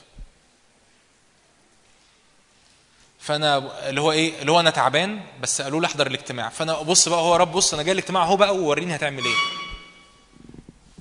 فاهمين قصدي؟ بص بقى يعني بص يا رب أنا جيت أنا أنا أنا تعبان وكمان جيت على نفسي وأنا تعبان وجيت الاجتماع وأنا عندي ايمان انك هتستجيب. وبص بقى أنا عندي ايمان اهو. انت انت انت كده بتا... انت كده بتدوس بنزين على على عربيه ما فيهاش زيت. انت بتحرق الموتور زيادة. مش بتستريح. امال إمتى الاجتماع يبقى مكان راحة؟ بدراك انه أنا انه إنه هو أبويا هو موجود هو حاضر هو يلذ له نشيدي وأنا أفرح به هو إلى مراع خضر يربضني إلى مياه الراحة يردني يرد نفسي يهديني إلى سبل البر فبيشبعني وبيأكل وبيروي وبيقوي وبيغسل رجليا وبيشجع وبيدي طاقة وبيدي إيمان ف ف ف ف فبص بقى أنا تعبان بس هاخد خلوتي. لا أنا تعبان فهاخد خلوتي. مش هاخد خلوتي بالرغم من إن أنا تعبان أنا هاخد خلوتي لأن أنا تعبان. فاهمين اللي بقوله ده؟ صح؟ واضح؟ أنا مش هحضر الاجتماع بالرغم من إن أنا تعبان أنا هحضر الاجتماع لأن أنا تعبان. أنا مش هخدم بالرغم من إن أنا تعبان أنا. أنا هخدم لأن أنا تعبان. لأن المروي هو أيضا يروى. أنا هقعد مع الرب مش بالرغم إن أنا تعبان أنا هقعد مع الرب لأن أنا تعبان. لأن لو لو تعبان. أروح لمين غيرك يا يسوع؟ في الترنيمه دي؟ في ناس طبعا في ناس هنا اللي هم متعودين على اجتماعات الحياة الجديدة بس مش عارفين الترنيمة دي خالص بس عارفها مولر؟ آمين. طيب أنا ده كتاب جديد أنا كتبته لعبد لله اسمه ملكوت الله بقوة. أنا معايا مجموعة مع هناء ورا اللي حابب يشتري الكتاب. وانت خارج مش دلوقتي ما تروحش تشتريه دلوقتي. وانت خارج من الاجتماع هناء معاه مجموعة. الكتاب بيتكلم عن إيه؟ الكتاب بيتكلم عن ثلاث حاجات أساسية. الكتاب بيتكلم عن ملكوت الله. إيه هو ملكوت الله؟ تعريف ملكوت الله. ويعني إيه نعيش ملكوت الله على الأرض؟ الكتاب بيتكلم وبيتكلم عن عمل الروح القدس. زي ملكوت زي ملكوت الله في داخلنا بالروح القدس. وبيتكلم عن المواهب الروحية. زي ربنا يستخدمنا كشعب الرب إن ملكوت الله يمتد من خلال عمل الروح القدس اللي فينا بإطلاق المواهب الروحية في جسد المسيح. أمين؟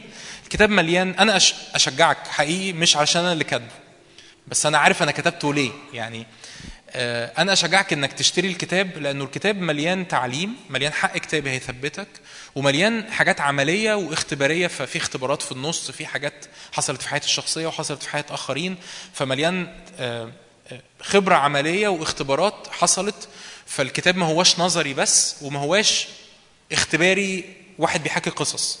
فاهمين قصدي؟ لكن في أساس آه، تعليمي في من الكلمة من الكتاب المقدس وفي قصص واختبارات شخصية تبين لك إن اللي بيحصل مع الخدام مش حاجة بعيدة عنك لكن حاجة ينفع تعيشها وتقدر تعيشها. أمين؟ أمين. طيب النهارده آه، درس كتاب. إيه مش مش سامع حد بيسقف أو مش سامع حد بيقول هي مثلا أو حاجة. آمين. هو فاضل لنا خلاص مرة السنة يعني هي الشهر ده ومرة الشهر اللي جاي وآمين. والنهاردة الحقيقة يمكن تكون أنا أصلي يعني كل صلاتي إن هي ما تكونش تقيلة بس هي تكون تقيلة. يعني مش عارف إزاي يعني اللي هو بصلي بعدم إيمان عارفين واخدين؟ يعني ما عنديش إيمان قوي في الصلاة اللي أنا بصليها أو مش هتبقى تقيلة مش هتبقى صعبة لكن يمكن يبقى فيها حاجات كتير. بس من الحاجات ال- الممتعة بالنسبة لي وأتمنى إن تكون ممتعة بالنسبة لكم. اقرب المايك. ومن الحاجات اللي هتكون ممتعة بالنسبة لكم ال- الدراسة اللي إحنا هنعملها لأنه إحنا هندرس مع بعض الجزء الثاني من سفر إشعيا. طبعا هندرسه الجزء الثاني من سفر اشعيا ده 27 إصحاح.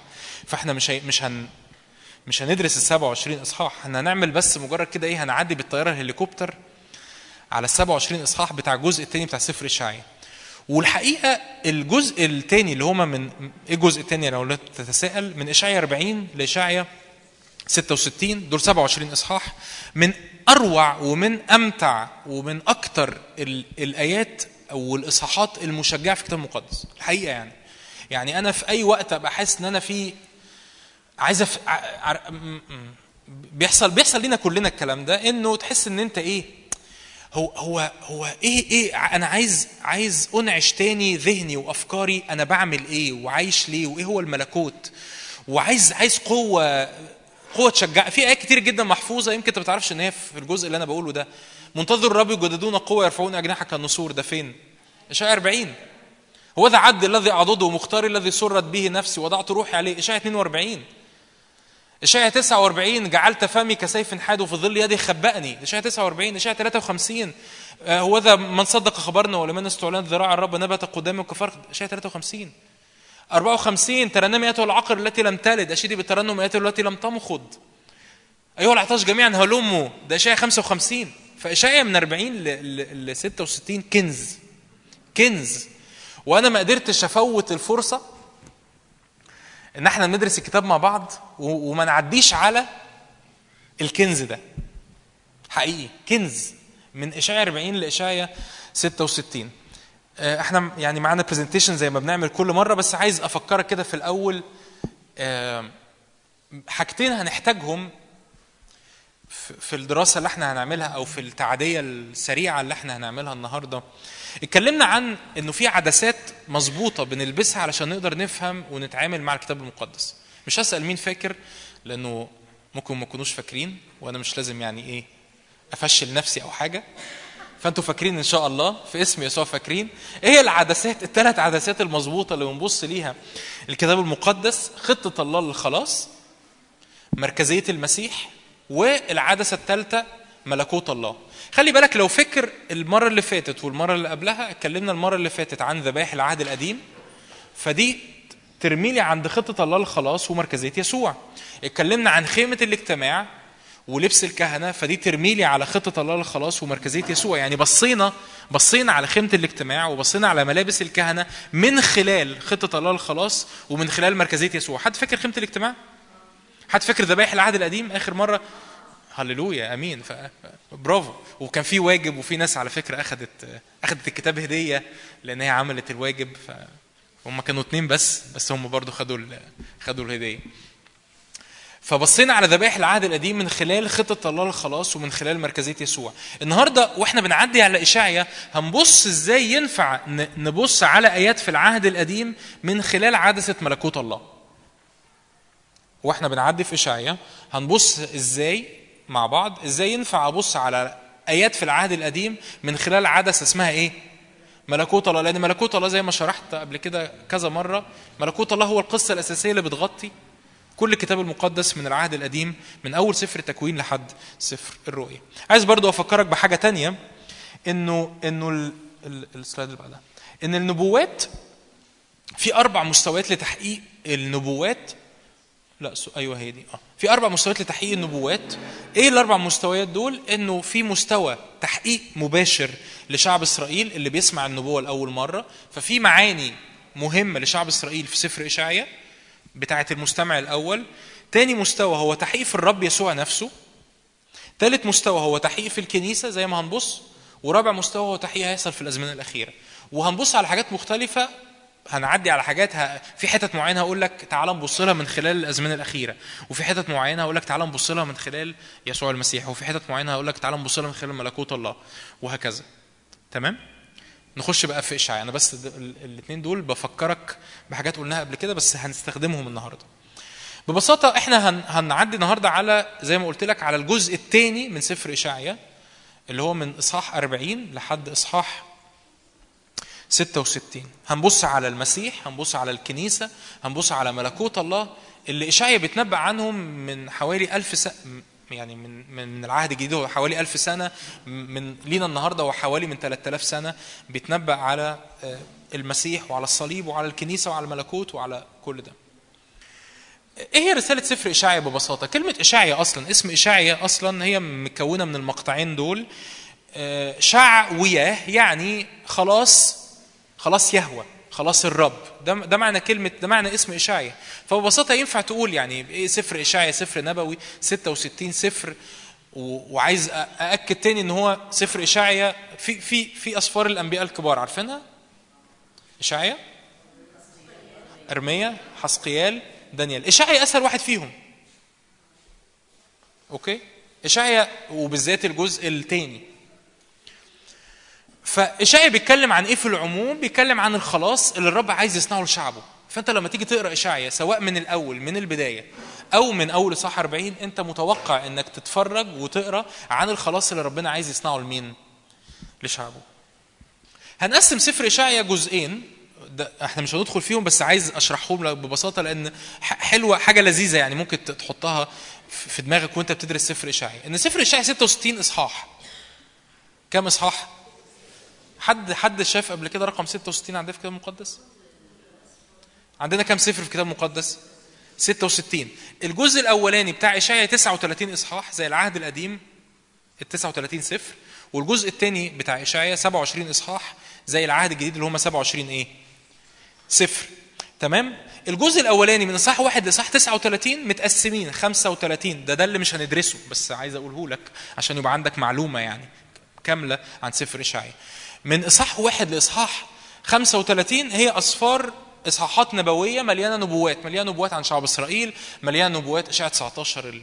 ال... حد عارف إشاعة 19 بيتكلم عن إيه؟ عن مصر. فنبوات كتير عن أمم وشعوب مختلفة عن عن مصر وعن عن عن أشور وعن بابل وعن عن كو عن كوش وحاجات كتير. وأربع إصحاحات الأخرانيين إصحاحات نبوية. القسم الثاني اللي هم ال 27 إصحاح. القسم الأولاني ينفع أقول ببساطة من وجهة نظر سريعة كده ينفع أقول وكأنه النبوات دي أغلبها نبوات مرتبطة بالقضاء ونبوات مرتبطة ربنا بيشاور لشعب إسرائيل على خطيته. طب هو أنا العهد القديم ببساطة بيعمل إيه؟ العهد القديم أغلبه بيشاور على خطية الشعب على خطية البشرية. طب ال 27 اصحاحات الإصحاح الأخرانيين بتوع من اشعيا 40 لاشعيا 66 شبه ال 27 إصحاح اللي بتوع العهد الجديد اللي كلهم كلام عن المسيح عن المسيا كلهم كلام عن مجد الكنيسة وكلهم كلام عن مجد الملكوت وقليل قوي يعني هنعدي على كام إصحاح منهم النهارده بس قليل قوي الإصحاحات اللي بتشاور على خطية الشعب أو بتعلن قضاء ضد الشعب. ده شبه إيه؟ شبه العهد الجديد. اللي مليان كلام عن مين؟ عن يسوع وعن الكنيسة وعن الملكوت وعن مجد الأزمنة الأخيرة. وفي برضو قضاء عن الأزمنة الأخيرة وإشعيا في في الآخر قضاء في الأزمنة الأخيرة فهنعدي على ده مع بعض. هنقسم الجزء الأخير ده ثلاث أقسام اللي هما من 40 لكام؟ ل 66 هنقسم التقسيمة دي بتاعتي يعني التقسيمة دي مش هتلاقيها في كتاب تفسير. التقسيمة دي بحسب الإعلان اللي ربنا اداهولي في يوم من الأيام. فالتقسيمة دي مش هتلاقيها في حتة تانية.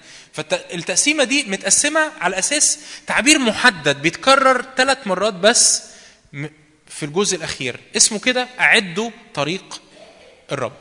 عشان كده مسمي حتى ال ال ال الوعظة بتاعتنا النهاردة أو التعليم بتاعنا النهاردة أعدوا الطريق تمام؟ إيه الثلاث أقسام اللي هنعدي عليهم النهاردة؟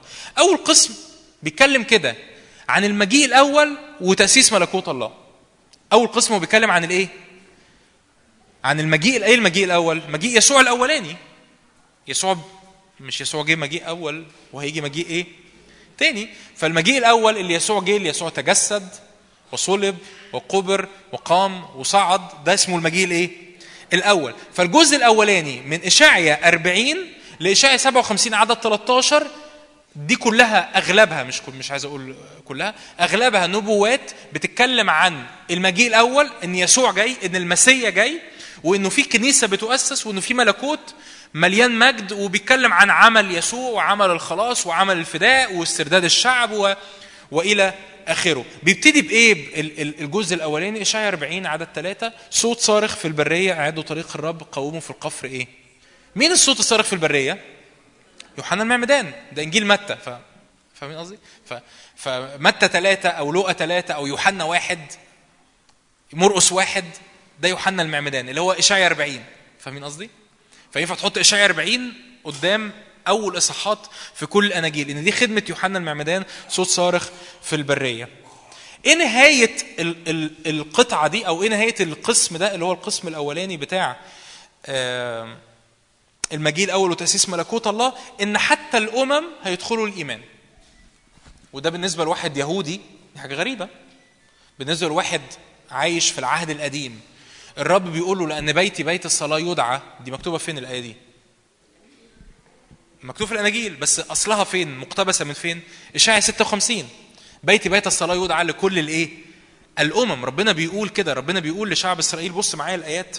فلا يتكلم ابن الغريب الذي اقترن بالرب قائلا افرازا افرزني الرب من شعبه ولا يقول الخصي ها أنا شجرة يابسة لأنه هكذا قال الرب للخصيان الذين يحفظون ثبوتي يختارون ما يسروني يتمسكون بعهدي إني أعطيهم في بيتي وفي أسواري نصبا واسما أفضل من البنين والبنات.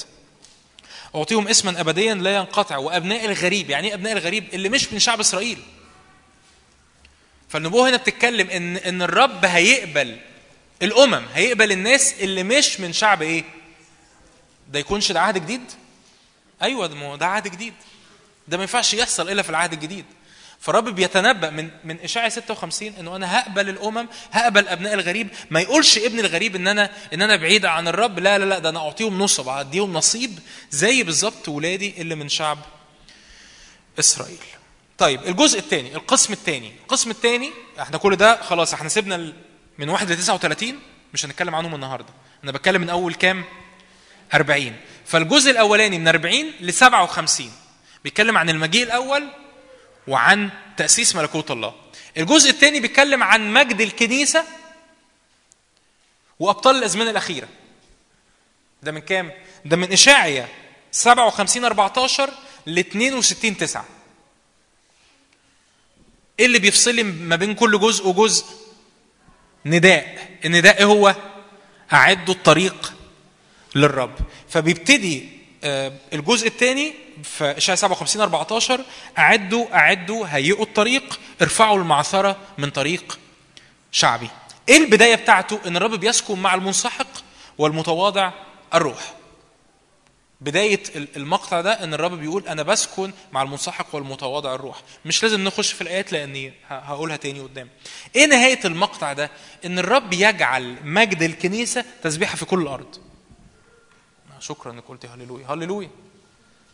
بينتهي هذا المقطع أو بيد أو ينفع تقول طب ما هو المقطع ده بيتكلم عن إيه؟ مجد الكنيسة وأبطال الأزمنة الإيه؟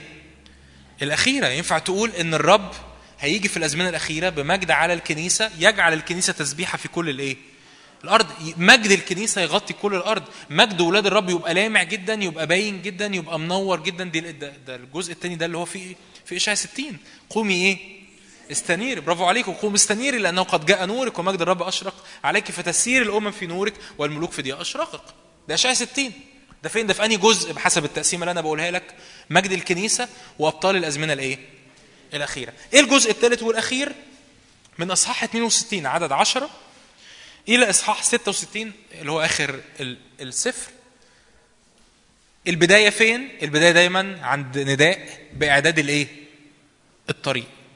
أعدوا الطريق.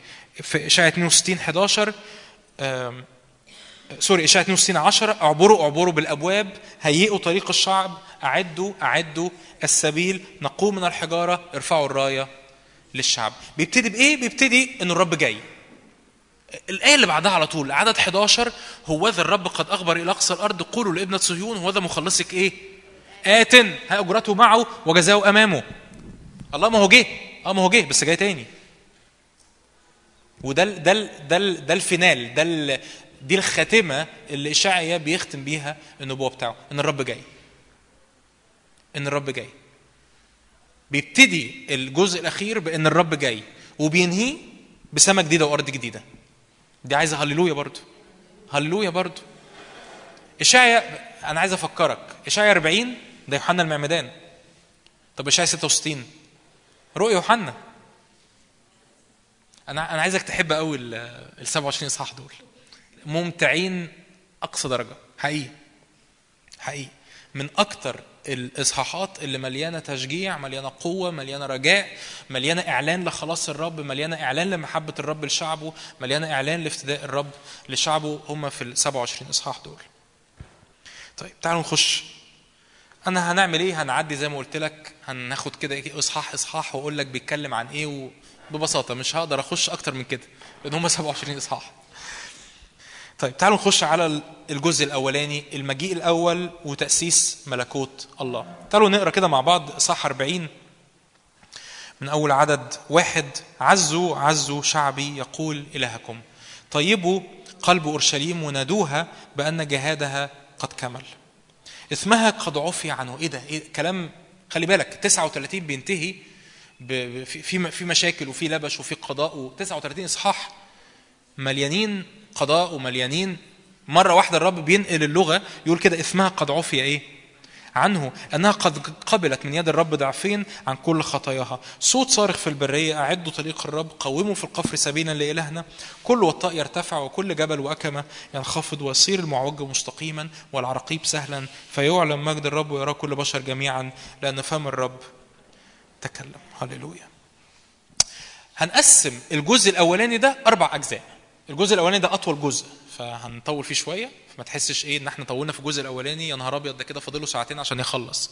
لا ما تقلقوش. الجزء الأولاني هو أطول جزء. هنقعد فيه أغلب الوقت. الجزء الثاني والثالث هيخلصوا بسرعة. الجزء الأولاني هنقسمه كام جزء؟ أربع برافو عليك. شكرا أمين. أربع أجزاء. أول أول عنوان هنحطه في الجزء الأولاني إن الرب بيعد الشعب إنه يستقبل المسيح. الرب بيعد شعبه إنه يستقبل المسيح. والرب عشان يعمل كده هي... هيعمل حاجة معينة وأنا أشجعك إنك تقرأ أشجعك إنك تراجع ورايا. من. من إصحاح 40 لإصحاح 45 الرب هيتكلم في أربع مواضيع هيقعد يعيد ويزيد فيهم.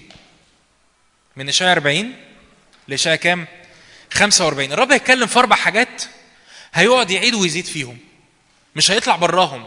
مش هيتكلم عن الصليب. مش هتكلم عن آه، آه، قضاء مش هتكلم عن طب أنا هقضي على بابل مش هتكلم عن أي حاجة تانية.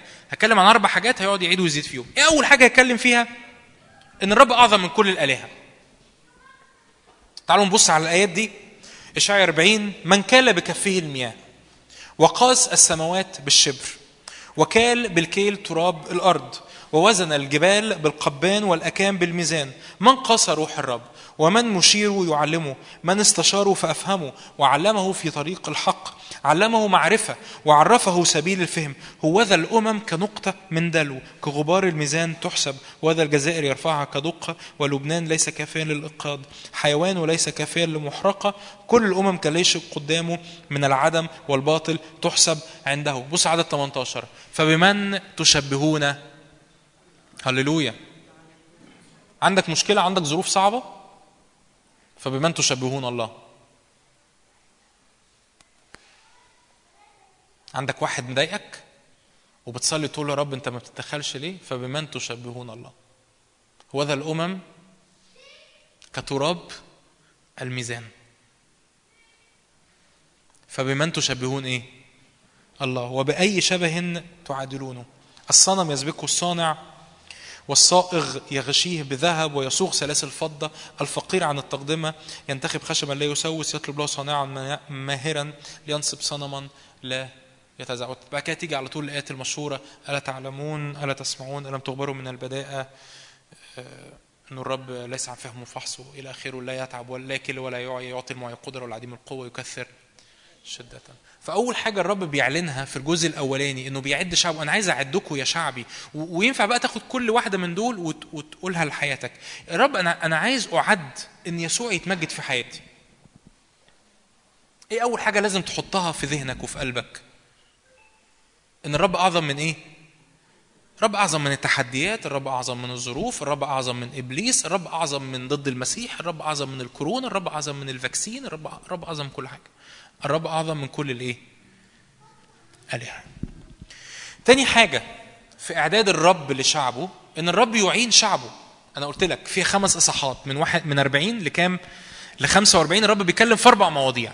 وعمال يعني مش إصحاح إصحاح لأ في نفس الإصحاح تلاقيه بيتنقل من موضوع لموضوع من موضوع لموضوع وبعد كده يرجع يعيد تاني يقول لهم يجي تاني في الصح 41 يقول لهم على فكرة أنا جامد قوي أنا أعظم من كل الالهه إصحاح 42 على فكرة أنا أعظم من كل الالهه إصحاح 43 تعالوا اخبروني بال- بالآتيات. على فكرة أنا أعظم من كل الآلهة. طب أنت عمال تقول لنا ليه؟ أنا عشان أنتوا بتنسوا.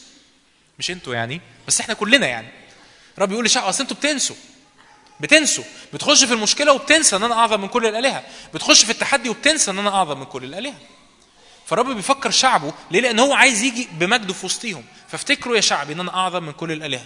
تاني نقطة عايز يعلنها عايز يعدنا بيها إن الرب يعين شعبه. الرب الرب الرب في صفنا. الرب في صفك. الرب الرب في صفك، الرب في صفك مش ضدك. الرب في صالحك مش ضدك. مش بيقاومك.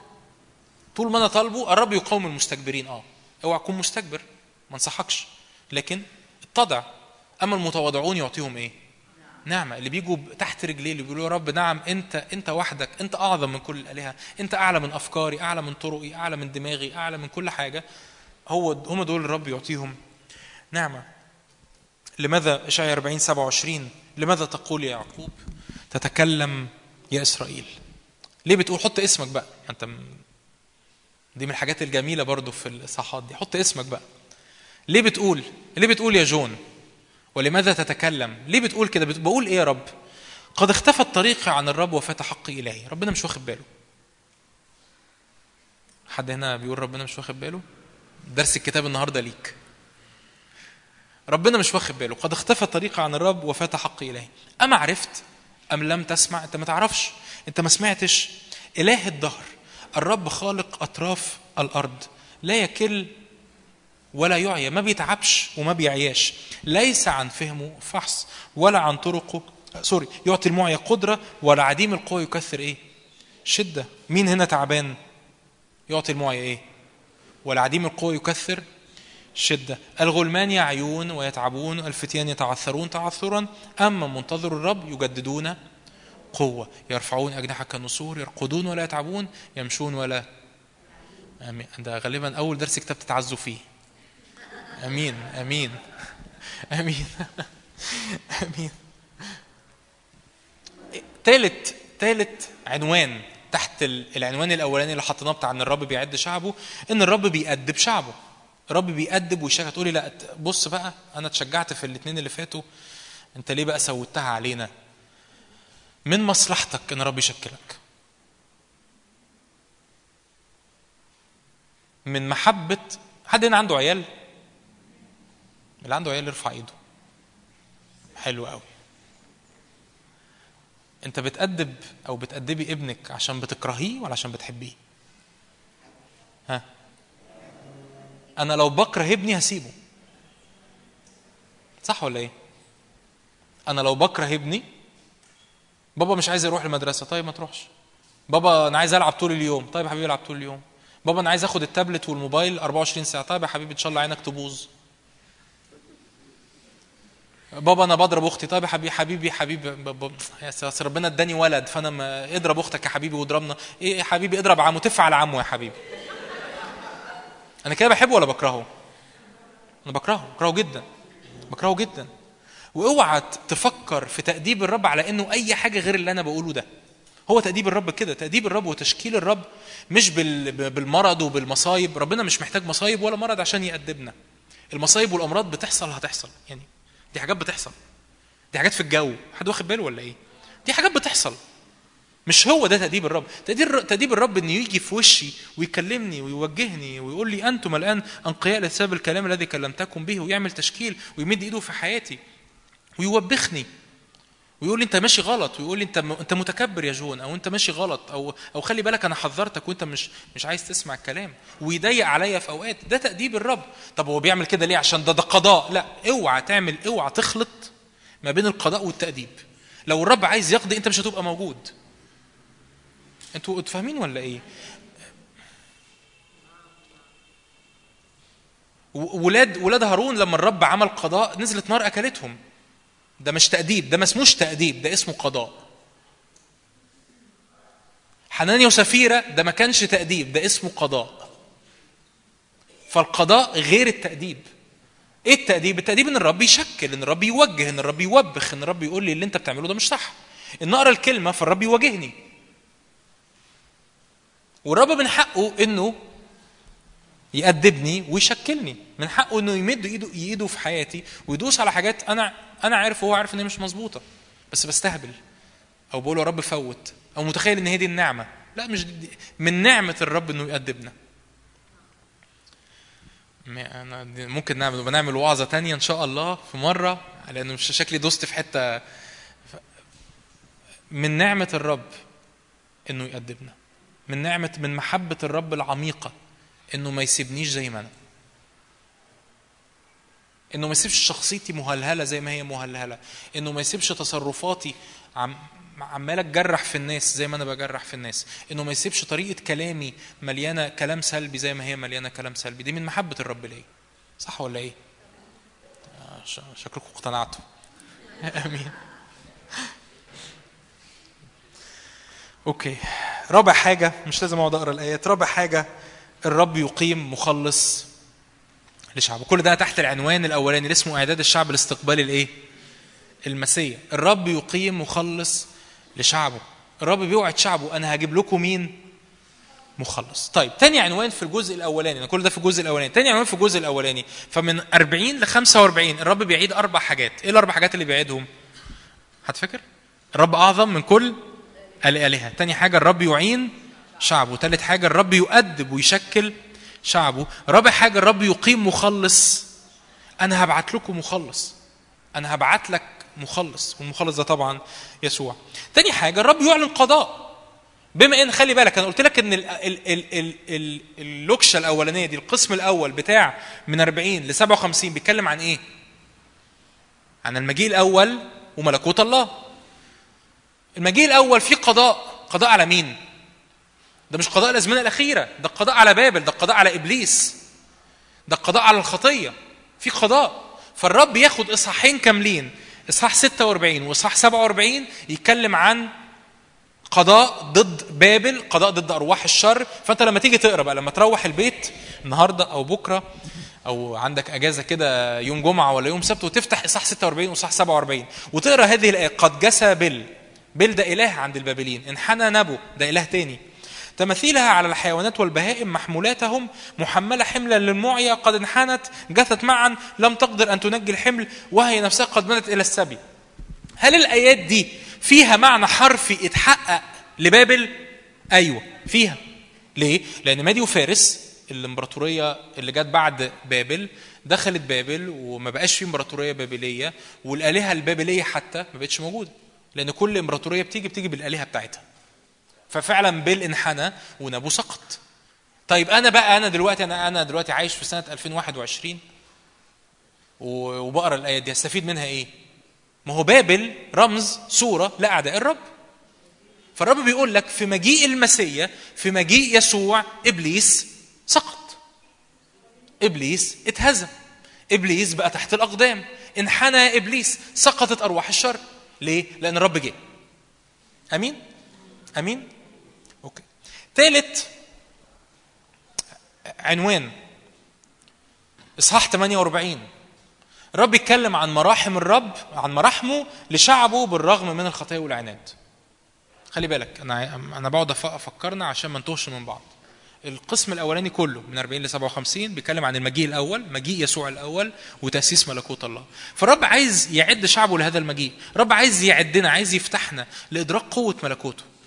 تاني حاجة الرب عايز يعمل إيه؟ يعلن قضاء على مين؟ على على إبليس على أرواح الشر على بابل. تالت حاجة الرب عايز يقول لك أنا مراحمي واسعة جدا جدا جدا جدا بالرغم من إيه؟ من الخطية. أنا مليان مراحم. بص الآيات.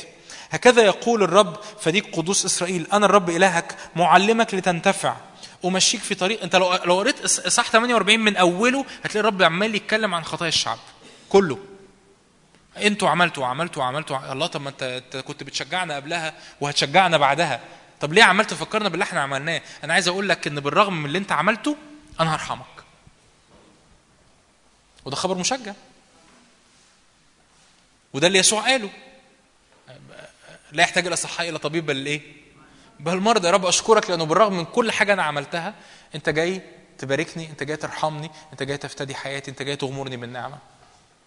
أنا الرب إلهك معلمك لتنتفع أمشيك في طريق تسلك فيها. ليتك أصغيت الوصاياي فكان كنهر سلامك وبرك كلجج البحر وكان كالرمل نسلك وذرية أحشائك كأحشائه لا ينقطع ولا يباد اسمه من أمامي. الجزء الأخير في في القسم الأولاني ده من إشعيا 49 لإشعيا كام بقى؟ 57 برافو عليكم. بيتكلم عن مين؟ عن عبد الرب. كلمة عبد لفظ عبد الرب عبد أو عبدي بتيجي 18 مرة. تيجي كم مرة؟ 18 مرة. من إشعيا 41 لحد إشعيا 53 الرب يتكلم عن شخصية. أوقات يقول لنا إنه عبد الرب ده هو إسرائيل نفسه. وأوقات ما يقولناش مين هو عبد الرب. وأوقات الأوصاف تنطبق على إسرائيل. وأوقات الأوصاف ما تنطبقش. مين عبد الرب ده؟ يسوع. ده العبد المتألم. ده العبد اللي شال الخطية اللي شال الإثم اللي شال النجاسة إنه جعل نفسه ذبيحة إيه؟ إثم يرى نسلا تطول أيامه. فعبد الرب هو الشخصية المحورية في الإصحاحات دي من أول 49 لحد 53 هعدي عليهم هقول لك عنوان كده لكل إصحاح. طبعا يعني أنتوا لو حد بيطلب ياخد ال PDF ما عنديش أي مشكلة إني أبعت ال PDF لو حد عايز يدرس. اشعياء 49 عبد الرب ده نور لإيه؟ لكل الامم خلي بالك ال- في في في تحول بي- بيحصل من اشعياء 40 الرب بيتكلم عن الأمم. الله إيه اللي دخل الأمم؟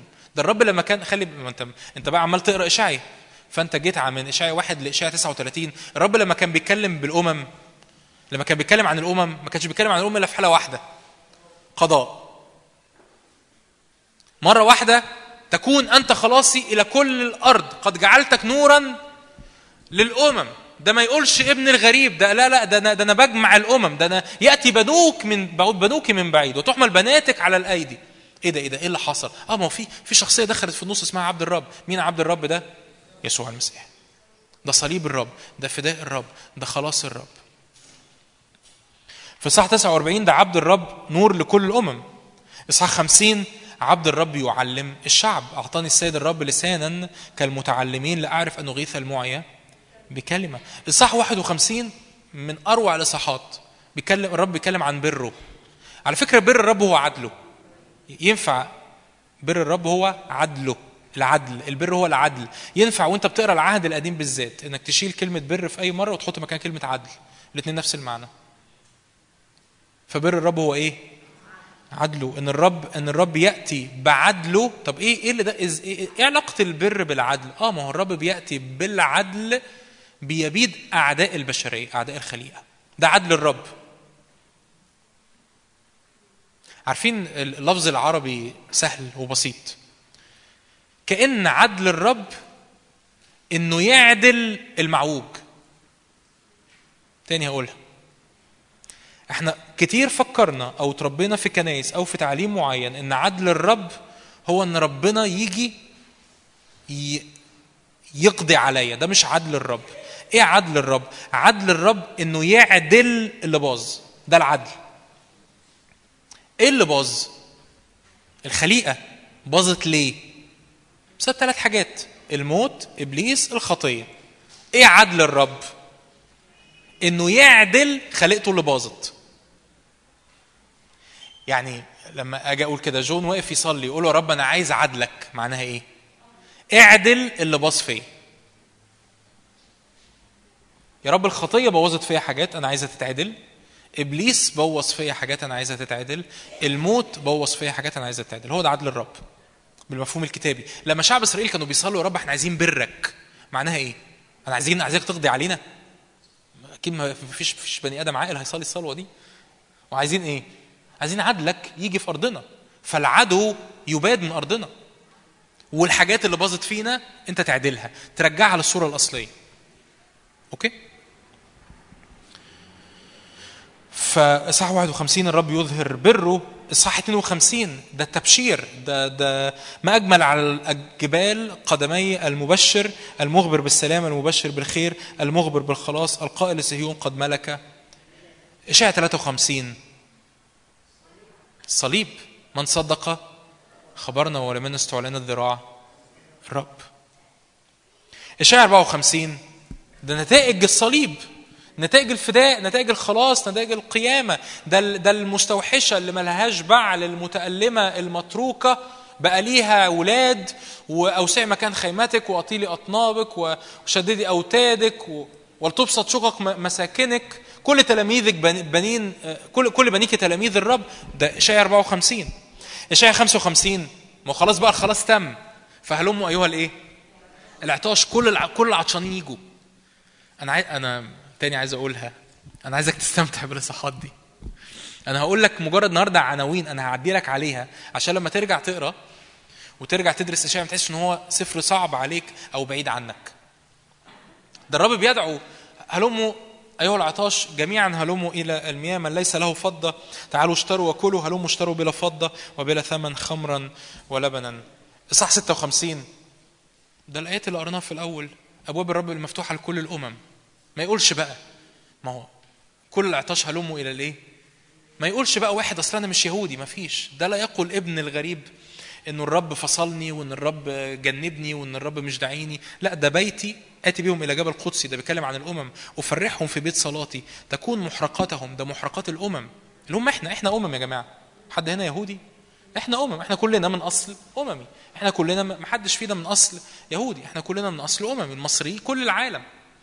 فتكون محرقاتهم وذبائحهم مقبولة على مذبحي لأن بيتي بيت الصلاة يدعى لكل الإيه؟ الشعوب. وأخيرا إصحاح 57 وغريبة جدا الترتيب يعني إنه بالرغم من كل ده رب يتكلم إن شعب إسرائيل بعد إيه ده؟ أنا لما لما قلت لك إن من 40 ل ل 66 بيحكي قصة العهد الجديد أنا ما كنتش بأفور وهي دي القصة الكتابية اللي حصلت في العهد الجديد إن بالرغم من كل ده شعب إسرائيل عمل إيه برضه في الآخر؟ بعد عن الرب. نخش على القسم الثاني. فسوري تعالوا ن... آه واحدة كمان. أيوه. هلخص لك كده بسرعة اللي قلناه إن أول من 40 ل 45 إعداد الشعب لاستقبال المسيا الرب بيعيد في أربع مواضيع عمال يقولهم. الرب أعظم من كل الالهه الرب يعين شعبه الرب يشكل ويؤدب الرب يقيم مخلص. بعد كده من اصحاح 46 و47 الرب بيقضي على بابل. إشعيا 48 الرب يعلن مراحم بالرغم من الخطية. الجزء الأخير من 49 ل 57 ده عبد الرب. نور لكل الأمم بيعلم شعب الرب الرب يظهر بره. في تبشير بخلاص ال- الرب لشعبه في ألم عبد الرب لأجل شعبه في نتائج للخلاص في دعوة للعطاش. أبواب الرب المفتوحة لكل الأمم لكن في الآخر للأسف شعب إسرائيل برضو لسه بعيد. القسم الثاني. هنقسمه ببساطة خمس خمس عناوين وهنقولهم على طول. أنا قلت لك القسم الأولاني هو أكبر واحد فيهم القسم الثاني والثالث هنعدي عليهم بسرعة. القسم الثاني هو مجد ملكوت الرب وكنيسة الرب وأبطال الأزمنة الأخيرة. اشعياء 60 تعالوا نقرأ الآيات المشهورة المشجعة عدد واحد. قومي استنيري لأنه قد جاء نورك. وناس كتير بقى ومفس- ومفسرين بقى يقول لك آه ده ده بيتكلم عن الأزمنة الأخيرة. أقول لك صح. بس عايز أقول لك يوحنا واحد يقول النور الذي ينير كل إنسان أتى إلى الإيه؟ مين النور الذي ينير كل إنسان؟ يسوع جه ولا لسه هيجي؟ الاثنين. بس هو جه. فقد جاء نورك دي تنطبق علينا؟ آمين. قد جاء نوري. يعني ينفع يعني ينفع بمنتهى الإيمان وبمنتهى وأنت حاسس إن أنت واقف على أرض صلبة وبتصلي صلوة كتابية تقف كده تقول يا رب أشكرك لأني أنا هنور. لأنه قد جاء نوري؟ دي صلوة كتابية ولا لأ؟ 100% لأن هو النور جه وبولس الرسول يقول كده كنتم قبلا ظلمة أما الآن فنور في الرب. يعني أنا منور ولا مش منور؟ من... فالايه دي الآية دي بتاعتي ولا مش بتاعتي؟ بتاعتي. صح ولا إيه يا جماعة؟ تقروا الكتاب؟ بتاعتي 100% النور جه اللي هو يسوع وأنا كنت ظلمة أيوه والآن نور في الرب وهو كمان قال أنتم ملح الأرض أنتم نور الإيه؟ عايز تقول لي لا بس كمان هي ليها تفسير ليها علاقة بالأزمنة الأخيرة عشان أقول لك ماشي أوكي أنا موافق. بس في نفس الوقت الآية دي تنطبق عليا 100% قومي استنيري لأنه قد جاء نورك مجد الرب أشرق عليك هي الظلمه تغطي الأرض والظلام الدامس الأمم. أما عليك هللويا أشكرك يا رب لأنه علي يشرق الرب ومجده علي. يرى فتسير الأمم في نور الكنيسة والملوك في ضياء إشراق. الكنيسة. هنقسمها خمس موضوعات ببساطة كل إصحاح موضوع. أول حاجة الرب في إصحاح 58 بما أنت خلاص أنت قابلت الرب يسوع أنت عرفت الرب يسوع في الجزء الأولاني. فبداية الجزء الثاني بيقول لك كده على فكرة الحياة الروحية الحقيقية زي ما كان مولر بيكلمنا هي عبادة بالروح والحق. هذا صوم أختاره. إيه الصوم اللي اختاره؟ آه ده حل حل عقد النير و... وإنك ترفع الإيماء بالإصبع، أن تكسر الجائع خبزك، أن تدخل مساكين التائهين إلى بيتك، إذا رأيت عريانا أن تكسوه، أن لا تتغاضى عن لحمك، هي دي الحياة الروحية الحقيقية، اللي فيها بتحب الرب، تحب الرب إلهك من كل قلبك، وتحب إيه؟ قريبك. هي دي الحياة الروحية الحقيقية. إصحاح 59 إن لما بتعترف بالخطية الفداء بيأتي على حياتك. بتعترف بالخطية الفداء بيأتي على حياتك. اقرأ معي عدد عشرين. يأتي الفادي إلى صهيون وإلى الإيه؟ التائبين عن المعصية في يعقوب. يقول الرب إصحاح ستين الإصحاح المشهور اللي قرينا منه الآية ده مجد الكنيسة اللي بيلمع اللي بينور في وسط كل الأمم. مش لازم أقرأ الآية التاني. إصحاح 61 مسحة الرب على ال... على يسوع 100% لكن كمان مسحة الرب على مين؟ على الكنيسة. روح السيد الرب عليا لأن الرب إيه؟ مسحني لأبشر المساكين. أرسلني لأعصب منكسري القلب ونادي المذبين بالعتق للمأسورين بالإطلاق. هتقول لي الآيات دي عن الرب يسوع؟ أقول لك صح 100% بس الرب يسوع في الآخر في يوحنا 21 قال كما أرسلني الآب أرسلكم إيه؟ أنا. قال لهم كده لا تلبسوا لا تبرحوا أورشليم إلى أن تلبسوا قوة من الإيه؟ من الأعالي. طب هو الرب يسوع خدم إمتى؟ لما استقبل قوة من الأعالي. في معمودية يوحنا لما نزل الروح القدس عليه فهي جسمية مثل حمامة ابتدى يخدم بآيات وعجائب وابتدى يبشر المساكين. طب وإحنا بنخدم إمتى؟ لما بنلبس قوة من الأعالي لما بيأتي الروح القدس علينا لما بنمتلئ بالقوة لما بنمتلئ بعمل الروح القدس. فدي مسحة الرب على الرب يسوع 100% لكنها كمان مسحة الرب على مين؟ على أولاده على كنيسته اللي بيشرقوا بمجد الرب في وسط كل الأمم. وأخيرا الجزء الأخير إصحاح 62 ده شعب الأزمنة الأخيرة. خلي بالك بقى أنا قلت لك الجزء الثاني بيتكلم عن مجد الكنيسة وأبطال الأزمنة الأخيرة. الجزء الثالث بيتكلم عن المجيء الثاني المجيء الثاني يمكن يمكن ربنا يدينا نعمة في يوم من الأيام أتكلم عن اللي أنا بقوله ده. مش بتكلم هنا بتكلم عموما. بس المجيء الثاني محتاج شعب يعد للمجيء الثاني عشان كده الرب بيقول في إشعياء 62 على أسوارك يا أورشليم أقمت حراسا لا يسكتون كل النهار وكل الليل على الدوام. يا ذاكر الرب لا تسكتوا ولا تدعوه يسكت حتى يثبت حتى يثبت ويجعل أورشليم تسبيحة في الأرض. ده في شعب بيقف أنا أنتوا معكوش كتب مقدسة بس أنا معايا كتاب مقدس. فأنا هستغل إن أنا معايا كتاب مقدس. إشعياء 63 على طول. اشعياء 62 بينتهي إنه الرب بيتكلم عن شعبه. اشعياء 63 على طول بيتكلم من هنقراها يعني هن- هنقولها. من ذا الآتي من أدوم بثياب حمر من بصرة هذا الباهي بملابسه المتعظم بكثر قوته أنا المتكلم بالبر ما بال لبسك محمر. يقول لك آه ده دم يسوع للخلاص. no no no no ده تفسير خاطئ تماما. ما بال لبسك محمر وثيابك كدائس المعصرة. هو يسوع في الصليب داس المعصرة؟ لا المعصرة دي تقرأ عنها في رؤية 19 يسميها كده الكتاب معصرة غضب الله. يسوع هنا يسوع هنا مش لباسه أحمر بسبب الدم اللي سفكه على الصليب. يسوع هنا دمه أحمر لباسه أحمر بسبب ال ال الصورة ال التعبيرية اللي ليها ب- بدوس معصرة غضب الله. خلي بالك أنا قلت لك ده اشعياء 63 اللي بعد اشعياء إيه على طول؟ اشعياء 62 تنكم مجده على أسوارك يا أورشليم. أقمت حراسا لا يسكتون كل نهار وكل الليل. اشعياء 63 إيه على طول؟ من من من هو من هذا الآتي بإيه؟ من أدوم بثياب حمر. قد دست المعصرة وحدي. بيقول كده. ونفس الايه دي على فكرة واضحة جدا ومفسرة في رؤية 19 النقلة دي أنا لسه ليه بس فتحت لك القصة دي؟ عشان أقول لك ان إن الرب بيقيم في الأزمنة الأخيرة شعب حقيقي بيقول له تعالى. بيقول له إيه؟ تعالى. بيقولوا تعالى. إحنا عايزينك تيجي. عايزينك تأتي. عايزينك تسكن. إحنا إحنا بنئن للمجيء التاني. إحنا بنئن لاستعلام ملكوت الله. إحنا بنئن إن يسوع يجي يملك. إحنا بنئن إن يسوع يجي يقضي على إبليس وعلى أرواح الشر وعلى ضد المسيح وعلى على الأمم اللي, اللي لماذا ارتجت الأمم وتفكر الشعوب الباطل إحنا بنئن إن الرب يجي يملك بجد. فإن المجيء التاني مش حاجة وحشة. بالعكس إحنا لو كرهنا المجيء التاني مش هنطلبه. إحنا محتاجين نطلب. وده اللي الرب يقوله في رؤية 22 الروح والايه والعروس يقولان تعال. ومن يسمع فليقل تعال. إحنا عايزينه يجي. فلما تيجي تقرأ بقى افتكر يعني افتكرني كده لما ربنا يفتح عليك وتدرس إشعيا. وتيجي تت- تتنقل من 62 ل 63 ما تتخضش.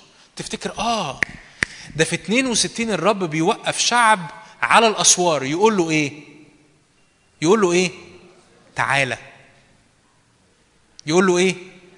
تعالى. لأن من أول 63 الرب بيتكلم عن المجيء الثاني أمين؟ فنخش في الجزء الثالث والأخير. إيه الجزء الثالث والأخير؟ مجيء الثاني وقضاء على الشر.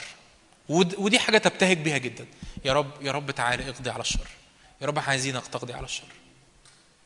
الخليقه الخليقه بتئن بسبب الشر. يقول كده رسول بطرس بطرس الثاني أصحاح ثلاثة بحسب وعده ننتظر ارضا جديدة وسماء جديدة يسكن فيها البر. إحنا إحنا بنئن عشان الرب يقضي على الشر.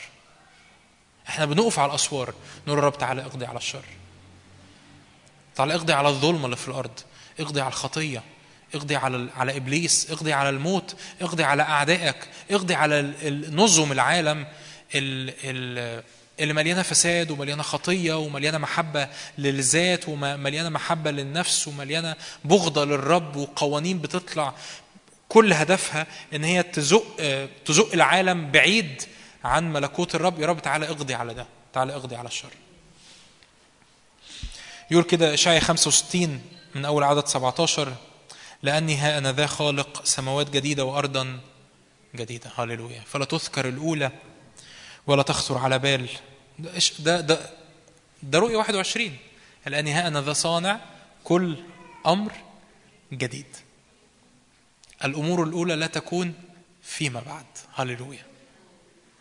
دي بقى الآيات إنه إنه الموت لا يكون فيما بعد والحزن لا يكون فيما بعد ويمسح الله كل دمعة من عيونهم. ده هيحصل هيحصل. سفر إشعيا وسفر الرؤيا مهمين في ال- في الجزء ده لأن هما بيملونا بصورة اكتمال الملكوت. لو الحياة المسيحية هو ده آخرها اللي إحنا عايشينه في إحنا في إحنا في مصيبة كبيرة. إحنا في مشكلة كبيرة.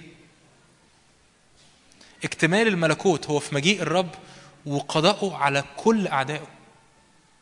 وأنا عارف كويس قوي إن اعدائه هم أعدائي. عدوي مش زميلي في الشغل وعدوي مش مديري اللي مش عارف إيه وعدوي مش مراتي اللي مطلعي مش دول أعدائي.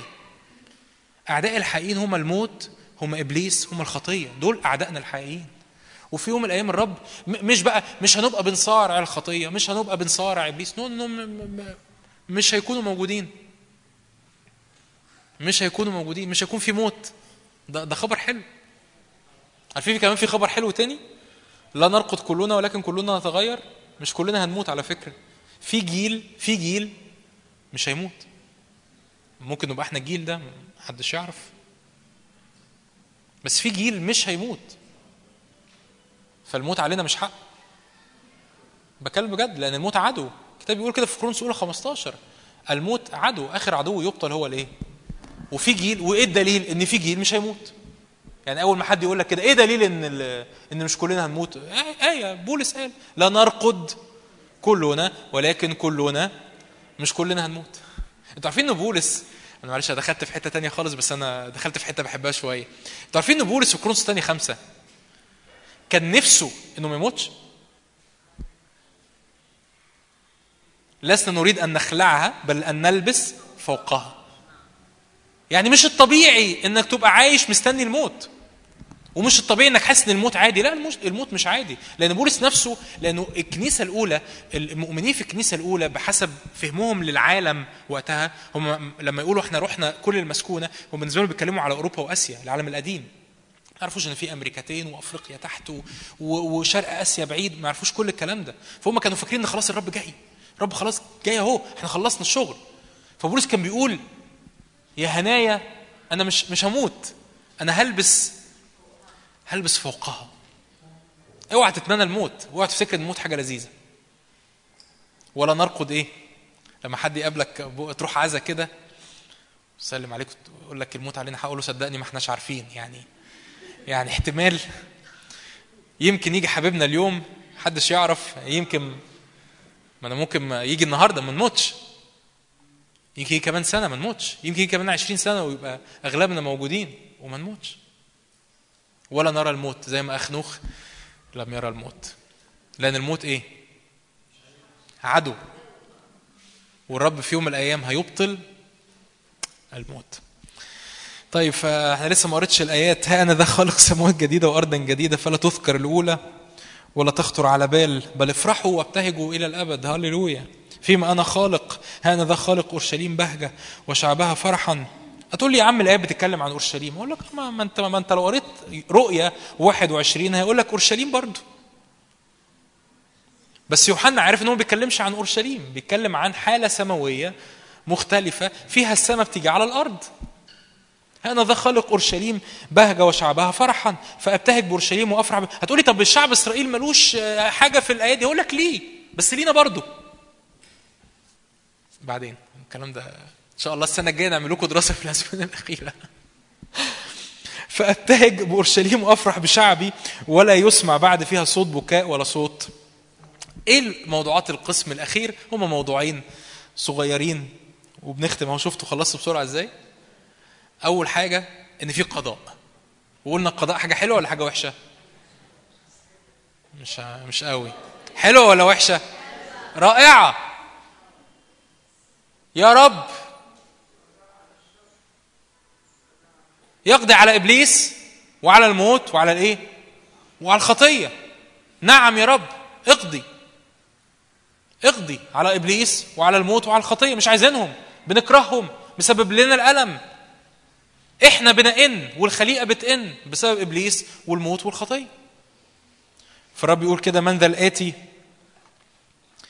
من أدوم بثياب حمر من بصرة هذا البهي بملابسه المتعظم بكثرة قوته. أنا المتكلم بالبر العظيم للخلاص. ما بال لباسك محمر وثيابك كدائس المعصرة؟ ليه ليه مال هدومك مبقعة كده بالأحمر؟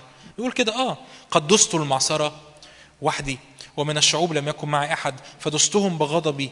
فده مش الصليب ده أكيد مش الصليب صح ولا إيه؟ أكيد ما بيتكلمش عن الصليب.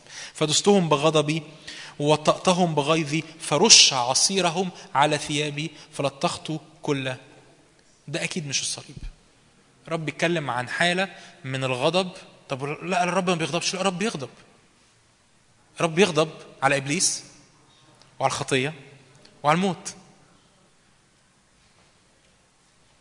ده غضب الرب. أنت لما تشوف لو شفت واحد ماشي في الشارع ضرب ابنك هتغضب ولا مش هتغضب؟ يبقى عندك مشكلة لو ما غضبتش. أنت بتغضب لأنك بتحب.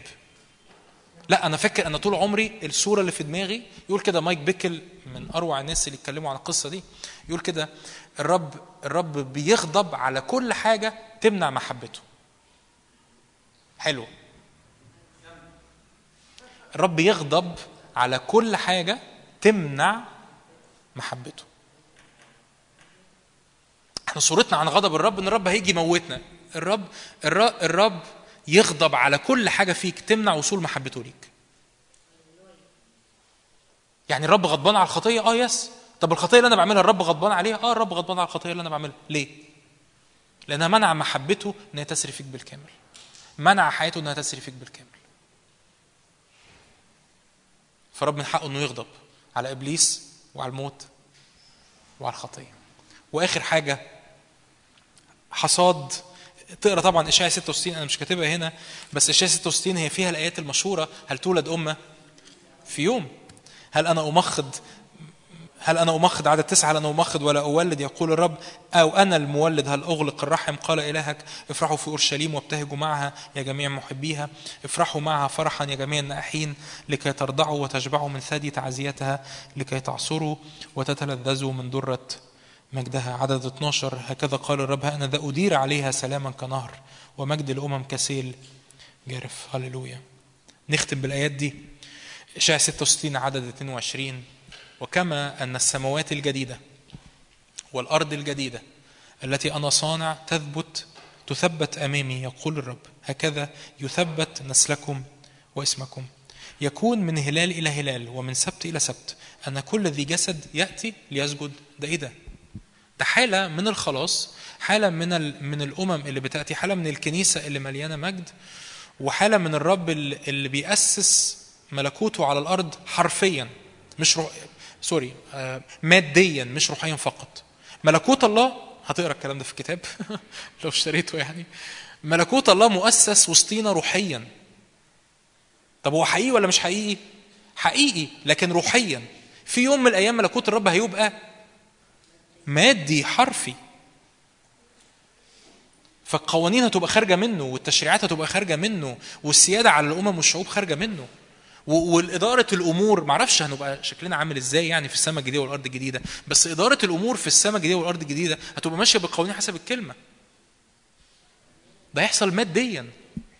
فيحكي لك يوصف يعني لما يوصف لك في رؤية 21 ورؤية 22 إنه يأتي الأمم بمجدهم إليها ويسير الشعوب في نورها. حاجة حاجة أنا يمكن مش ما أعتقدش إن حد حد حد حتى عارف أبعاد ده إيه. بس هو في في أورشليم وفي أمم تانية ملوك يأتوا إلى أورشليم ليها علاقة بالملك الألفي يمكن. قصة كده يعني. قصة. فيكون من هلال إلى هلال ومن سبت إلى سبت. أن كل ذي جسد يأتي ليسجد أمامي قال الرب. ويخرجون ويرون جثث الناس الذين عصوا علي لأن دودهم لا يموت ونارهم لا تطفأ ويكونون رذالة لكل ذي جسد. آمين. ببساطة آخر واحدة كده سلايد مجمع لك فيها كل حاجة. لا. أيوه اتكلمنا إشعيا 40 لإشعيا 66 27 إصحاح. كأنهم مراية في العهد القديم بس بتشاور لي على العهد الجديد العهد القديم العهد الجديد بيبتدي بيوحنا المعمدان إشعيا 40 بيبتدي بيوحنا المعمدان إشعيا 66 إشعيا بينتهي بصورة الأرض الجديدة والسماء الجديدة والعهد الجديد بينتهي بصورة الأرض الجديدة والسماء الإيه؟ الجديدة الجزء الأولاني اتكلمنا إنه ده مجيء أول الرب بيتنبأ بالمجيء الأول وتأسيس ملكوت الله. ففي شعب بيستقبل يسوع في قضاء على الشر في مراحم الرب لشعبه بالرغم من الخطية وفي عبد الرب اللي هو يسوع المسيح اللي بيأسس ملكوت الله. تاني حاجة هذا الملكوت في كنيسة مليانة مجد في أبطال للأزمنة الأخيرة ففي حياة روحية بنعيشها. في اعتراف بالخطية بيجي بيجيب فداء الرب على حياتي. مجد الكنيسة اللي بقت جاذبة قومي استنيري لأنه قد جاء نورك. مسحة الرب على عبيده وعلى شعبه لشفاء المكسورين. وأخيرا في شعب بيقف في الأزمنة الأخيرة بيقولوا رب إيه؟ تعالى. لأنه الجزء الأخير ده المجيء التاني والقضاء على الشر. ففي قضاء في الأزمنة الأخيرة. على أعداء أعداء الرب أعداء الخليقة وأعداء البشر. إبليس والخطية والموت. وأخيرا في أرض جديدة وسماء إيه؟ جديدة في افتداء لكل الخليقة في حالة من الحرية في حالة من المجد كل الخليقة هتختبرها. حبيتوا إشعيا 40 هللويا هللويا هللويا. يا رب كمان وكمان. آمين. تعالوا نصلي. تعالوا يا مولر. تعالوا نصلي مع بعض.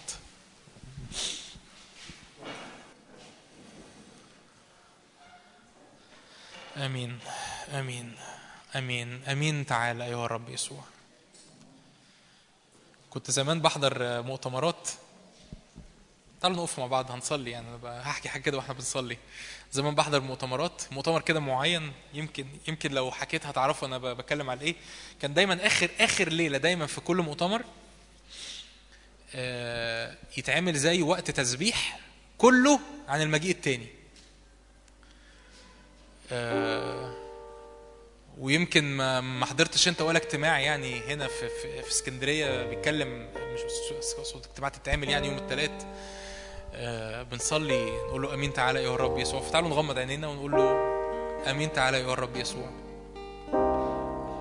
الكتاب بيقول كده ده إحنا منتظرين الرجاء المبارك. ده هو ده اسمه الرجاء المبارك إن إن إن الرب هيجي تاني. الرب هيجي تاني ويؤسس ملكوت آه، مادي على الأمم وعلى الشعوب. عند البوق السابع يتقال كده الإعلان إنه وذا صارت ممالك العالم لربنا ومسيحه.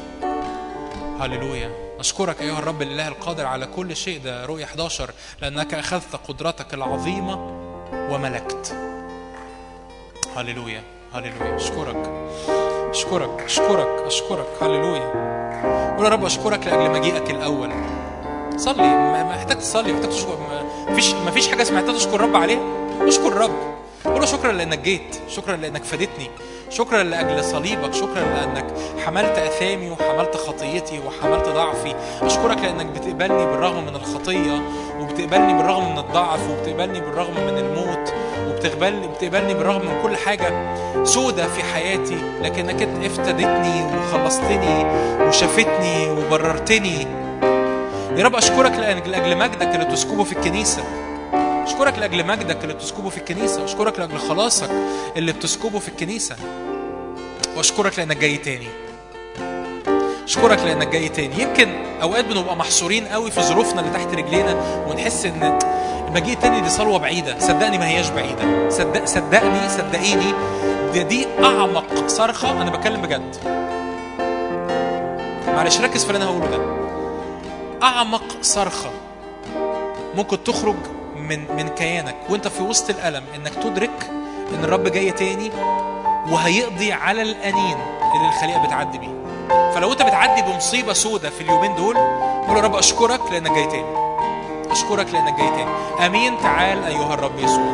الموت لا يكون فيما بعد والألم لا يكون فيما بعد. ويمسح الله كل دمعة من عيونهم يا رب أشكرك لانك جاي تاني. أشكرك لأن رجائنا وإيماننا وثقتنا انك جاي تاني تقضي على كل أعداء الخليقة على كل أعداء البشرية على كل أعداء ولادك اللي أنت بتحبهم. لانك جاي تاني تقضي على الظلم والشر والخطية والفساد والموت. وإبليس أشكرك. آمين. تعال أيها الرب يسوع. آمين. تعال أيها الرب يسوع. هللويا.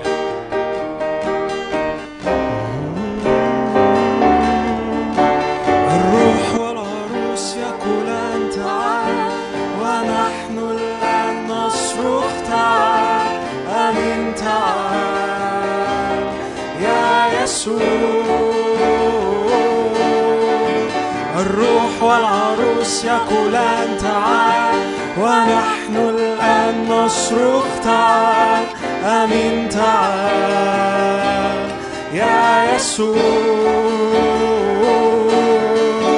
تعالى يا يسوع.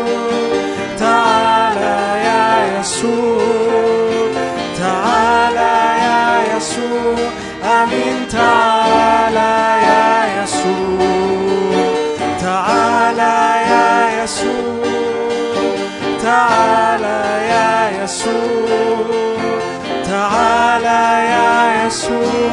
آمين تعالى يا يسوع. ليأتي ملكوتك لتكن مشيئتك كما في السماء. كذلك على الأرض. ليأتي ملكوتك لتكن مشيئتك كما في السماء. كذلك على تعالى تعالى.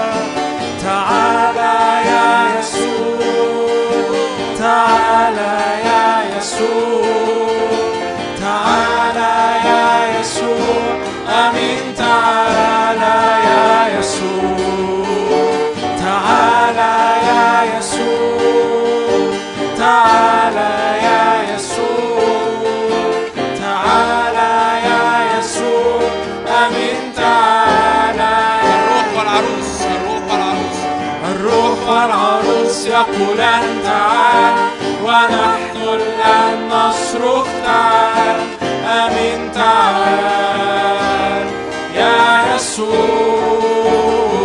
يسوع الروح والعروس يقولان تعال ونحن الآن نصرخ تعال أمين تعال يا يسوع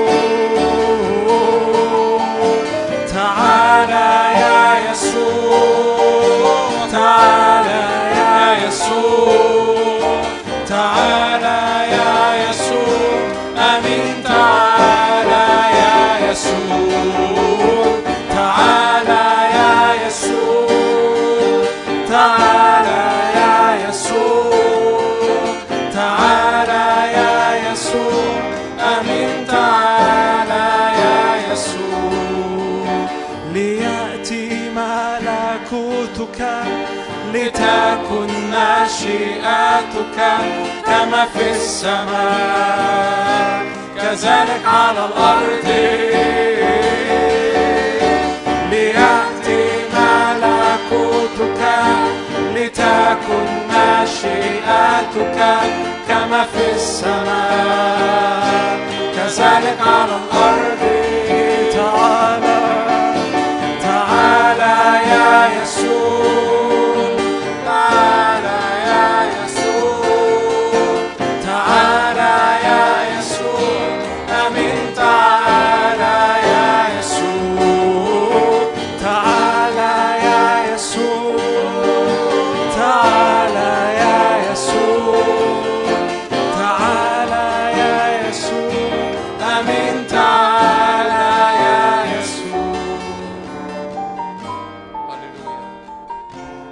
يرى مجد الرب علينا. هللويا. أجعل أورشليم تسبيحة في كل الأرض. قول يا رب أشكرك.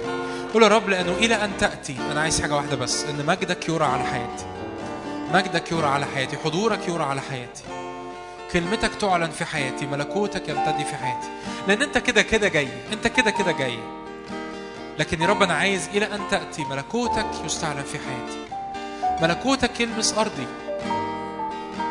يا رب أشكرك لأجل عملك الكامل على الصليب وأشكرك لأجل قيامتك أشكرك لأجل فدائك وأشكرك لأجل خلاصك. يا رب أشكرك لأجل مجدك اللي يرى علينا. يا رب أشكرك لأنك جاي. هللويا. عايز أقرأ معاك الآيات دي. رؤية 21 3 لو ينفع نفتحها تبص عليها. وأنت وأنت في الصلاة أنت بتقرأ الآيات وأنت بتصلي. رؤية 21 3 وسمعت صوتا عظيما من السماء قائلا هو ذا مسكن الله مع الناس. هو سيسكن معهم هم يكونون له شعبا والله نفسه يكون معهم إلها لهم. وسيمسح الله كل دمعة من عيونهم. الموت لا يكون فيما بعد ولا يكون حزن ولا صراخ ولا وجع فيما بعد لأن الأمور الأولى قد مضت. وقال الجالس على العرش ها أنا أصنع كل شيء جديدا هللويا. عايز أقراها معاك تاني. عدد ثلاثة وسمعت صوتا عظيما من السماء قائلا هوذا مسكن الله مع الناس. هو سيسكن معهم هم يكونون له شعبا والله نفسه يكون معهم إلها لهم. وسيمسح الله كل دمعة من عيونهم. والموت لا يكون فيما بعد ولا يكون حزن ولا صراخ ولا وجع فيما بعد لأن الأمور الأولى قد مضت. وقال الجالس على العرش ها أنا أصنع كل شيء جديدا هللويا. يا رب نشكرك. نشكرك لأن ده وعدك لأن ده رجائنا لأن ده إيماننا أنك تصنع كل شيء جديد. نعم يا رب أشكرك لأجل ملكوتك ملكوتك حقيقة ملكوتك قوة ملكوتك نعمة ملكوتك غلبة ملكوتك نصرة في حياتنا. ونؤمن أنه يأتي اليوم اللي فيه ملكوتك يسود على كل الأرض. ملكوتك يسود على كل الأرض. ملكوتك يسود على كل الأرض. هللويا. هللويا. ليأتي ملكوتك هنا في وسطنا كما في السماء هنا في أرضنا. ليأتي ملكوتك هنا في وسطنا. كما في السماء هنا في أرضنا. مجدا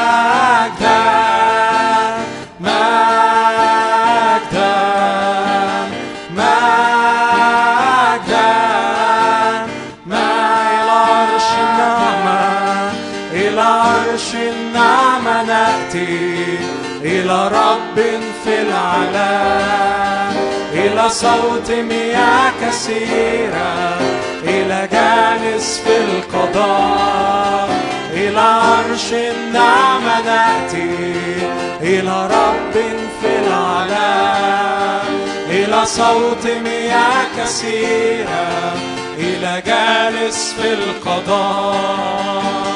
مجدا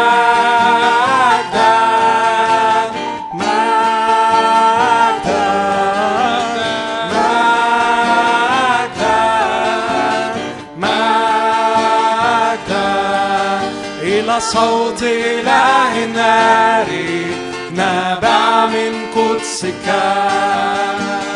نسجد ونخضع لجلال ملكك. إلى صوت إله النار نبع من قدسك. نسجد ونخضع لجلال ملكك.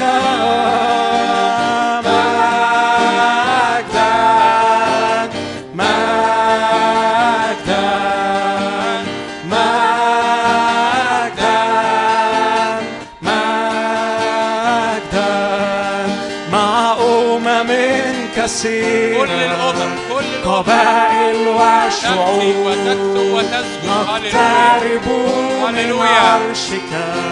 إلهنا المهوب مع أمم كثيرة قبائل وشعوب نقترب من عرشك. إلهنا المهوب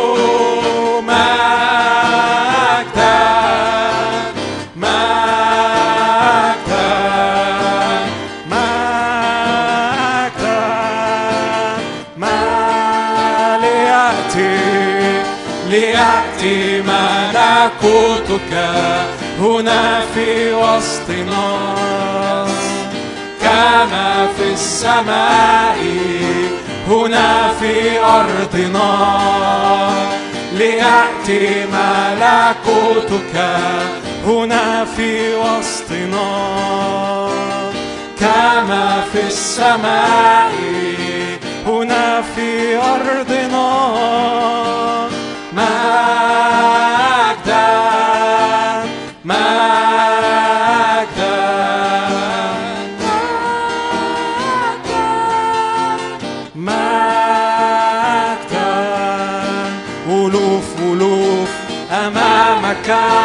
ربوات ربوات تخدمك.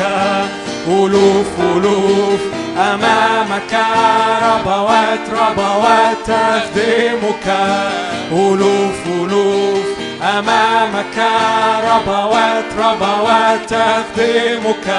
مستحق يا يسوع كل المجد والسلطان في السماء. على أرضنا.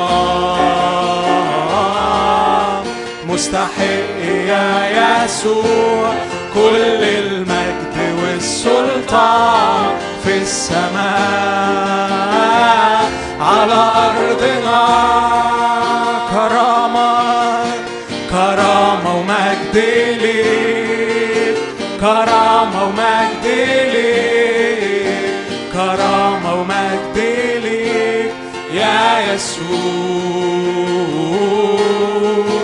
كرامة ومجد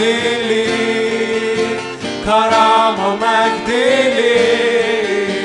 كرامة ومجد يا يسوع حقا كنت حقا كنت من الأموات جالس عن يمين الآب مرتفع يا يسوع في السماوات. حقا كنت من الأموات جالس عن يمين الآب مرتفع يا يسوع في السماوات. هللويا هللويا المسيح حقا قام. هللويا حقا قام من الأموات.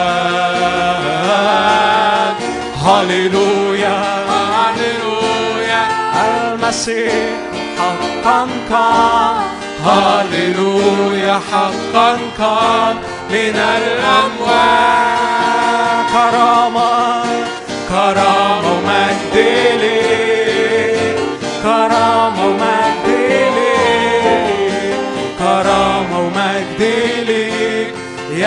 يسوع كرامة ومجد ليك يا يسوع كرامة ومجد ليك كرامة ومجد ليك يا يسوع لسه الروح القدس بيتحرك وسطينا بنفس النهر اللي كان كان حاصل في وقت العبادة وكان على فكرة مكمل وقت الكلمة. فاستقبل واشرب من النهر. استقبل واشرب من النهر. استقبل واشرب من النهر. ما تستناش وضع اليد لأنه عشان الوقت أنا هصلي فقط للي محتاجين شفاء فأنا عايزك تشرب من النهر. اشرب من النهر. أنا هصلي فقط مع اللي محتاجين شفاء. فاشرب من النهر في الوقت ده. اشرب من النهر. لأنه في في حضور مليان سلام ومليان نعمة ومليان شبع ومليان دسم نازل فاشرب منه. اشرب اشرب ارتوي من النهر ارتوي من النهر نعم روح الله. كرامة ومجد ليك. كرامة ومجد ليسوع. كرامة ومجد للحمل القائم كأنه مذبوح. كرامة كرامة كرامة. كرامة كرامة كرامة.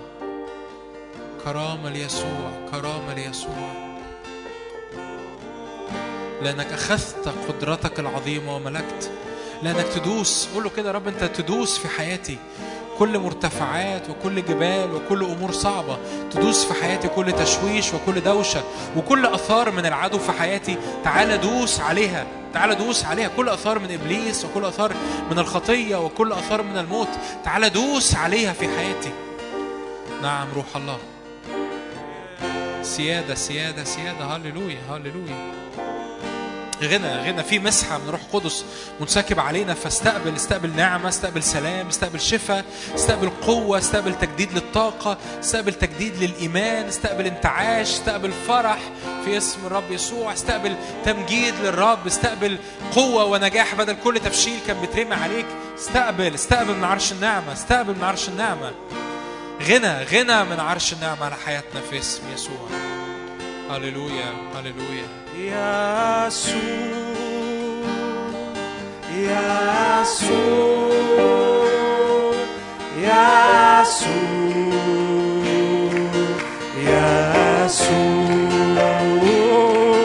يسوع يسوع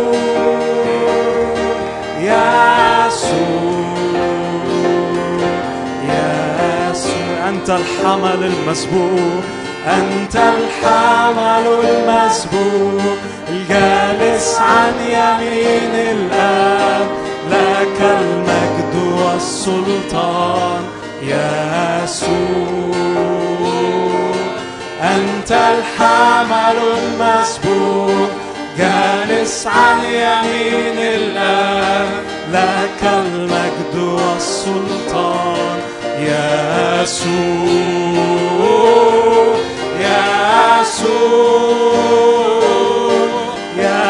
يسوع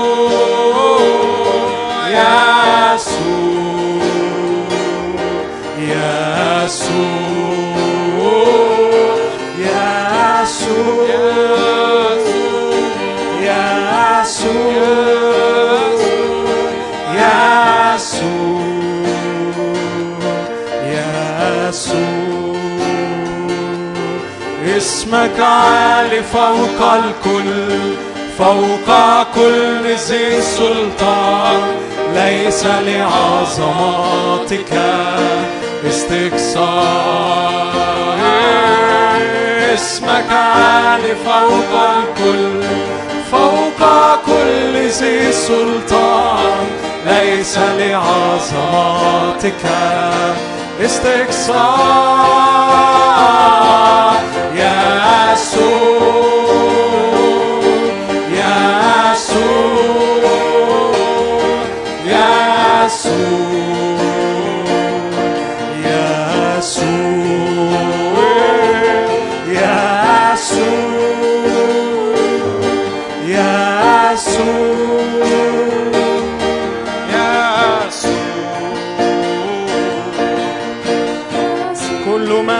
السماوات كل من في السماوات.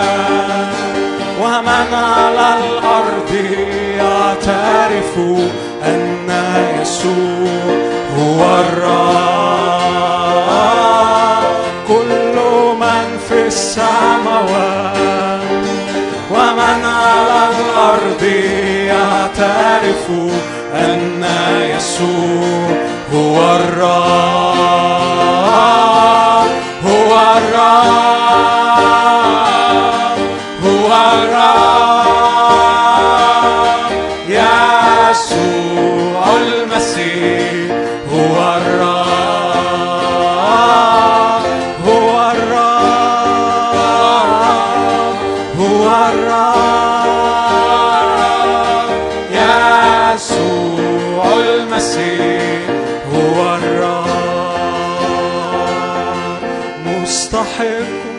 تكسو كل ركبة ويعترف كل لسان أنك وحدك الإله أنك وحدك الإله.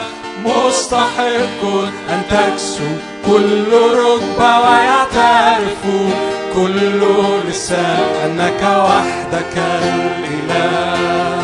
أنك وحدك الإله ارتفع اللهم على السماوات وليرتفع على كل الأرض. مجدك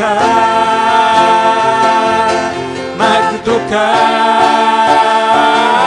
ارتفع اللهم على السماوات وليرتفع على كل الأرض. مجدك. مجدك مجدك ملء كل الأرض مجدك ملء كل الأرض مجدك ملء كل الأرض مجدك مجدك ملء كل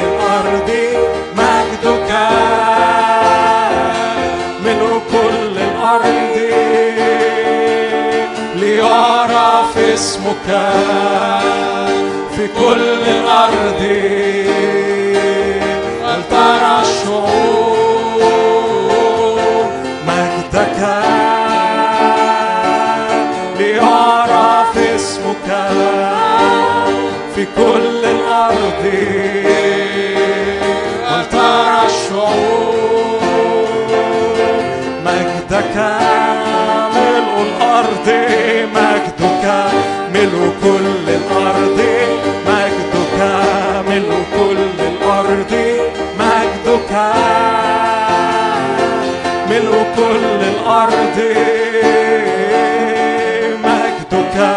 ملء كل الأرض مجدك ملء كل الأرض مجدك ملء كل الأرض. ليس إله غيرك لم تر عين مثلك. ارتفع يا يسوع بمجدك. في وسطنا. يلا ارفع إيدك كده واعلن. ليس إله غيرك لم تر عين مثلك. ارتفع يا يسوع بمجدك في وسطنا. ارتفع اللهم على السماوات وليرتفع على كل الأرض مجدك مجدك.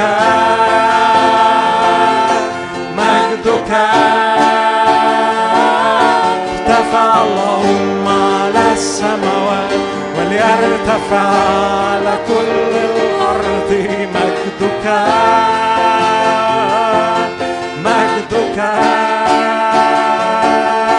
مجدك. مجدك. مجدك. ملء كل الأرض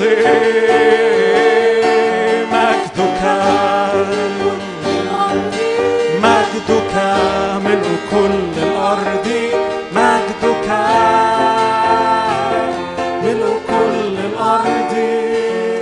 نعم يا رب نشكرك لأنه هيأتي اليوم اللي فيه تكثر كل ركبة. ويعترف كل لسان أن يسوع المسيح هو ربه لمجد الله الآب. هللويا. أبصلي كده وإحنا بنختم. استقبل أكتر من سلام الرب.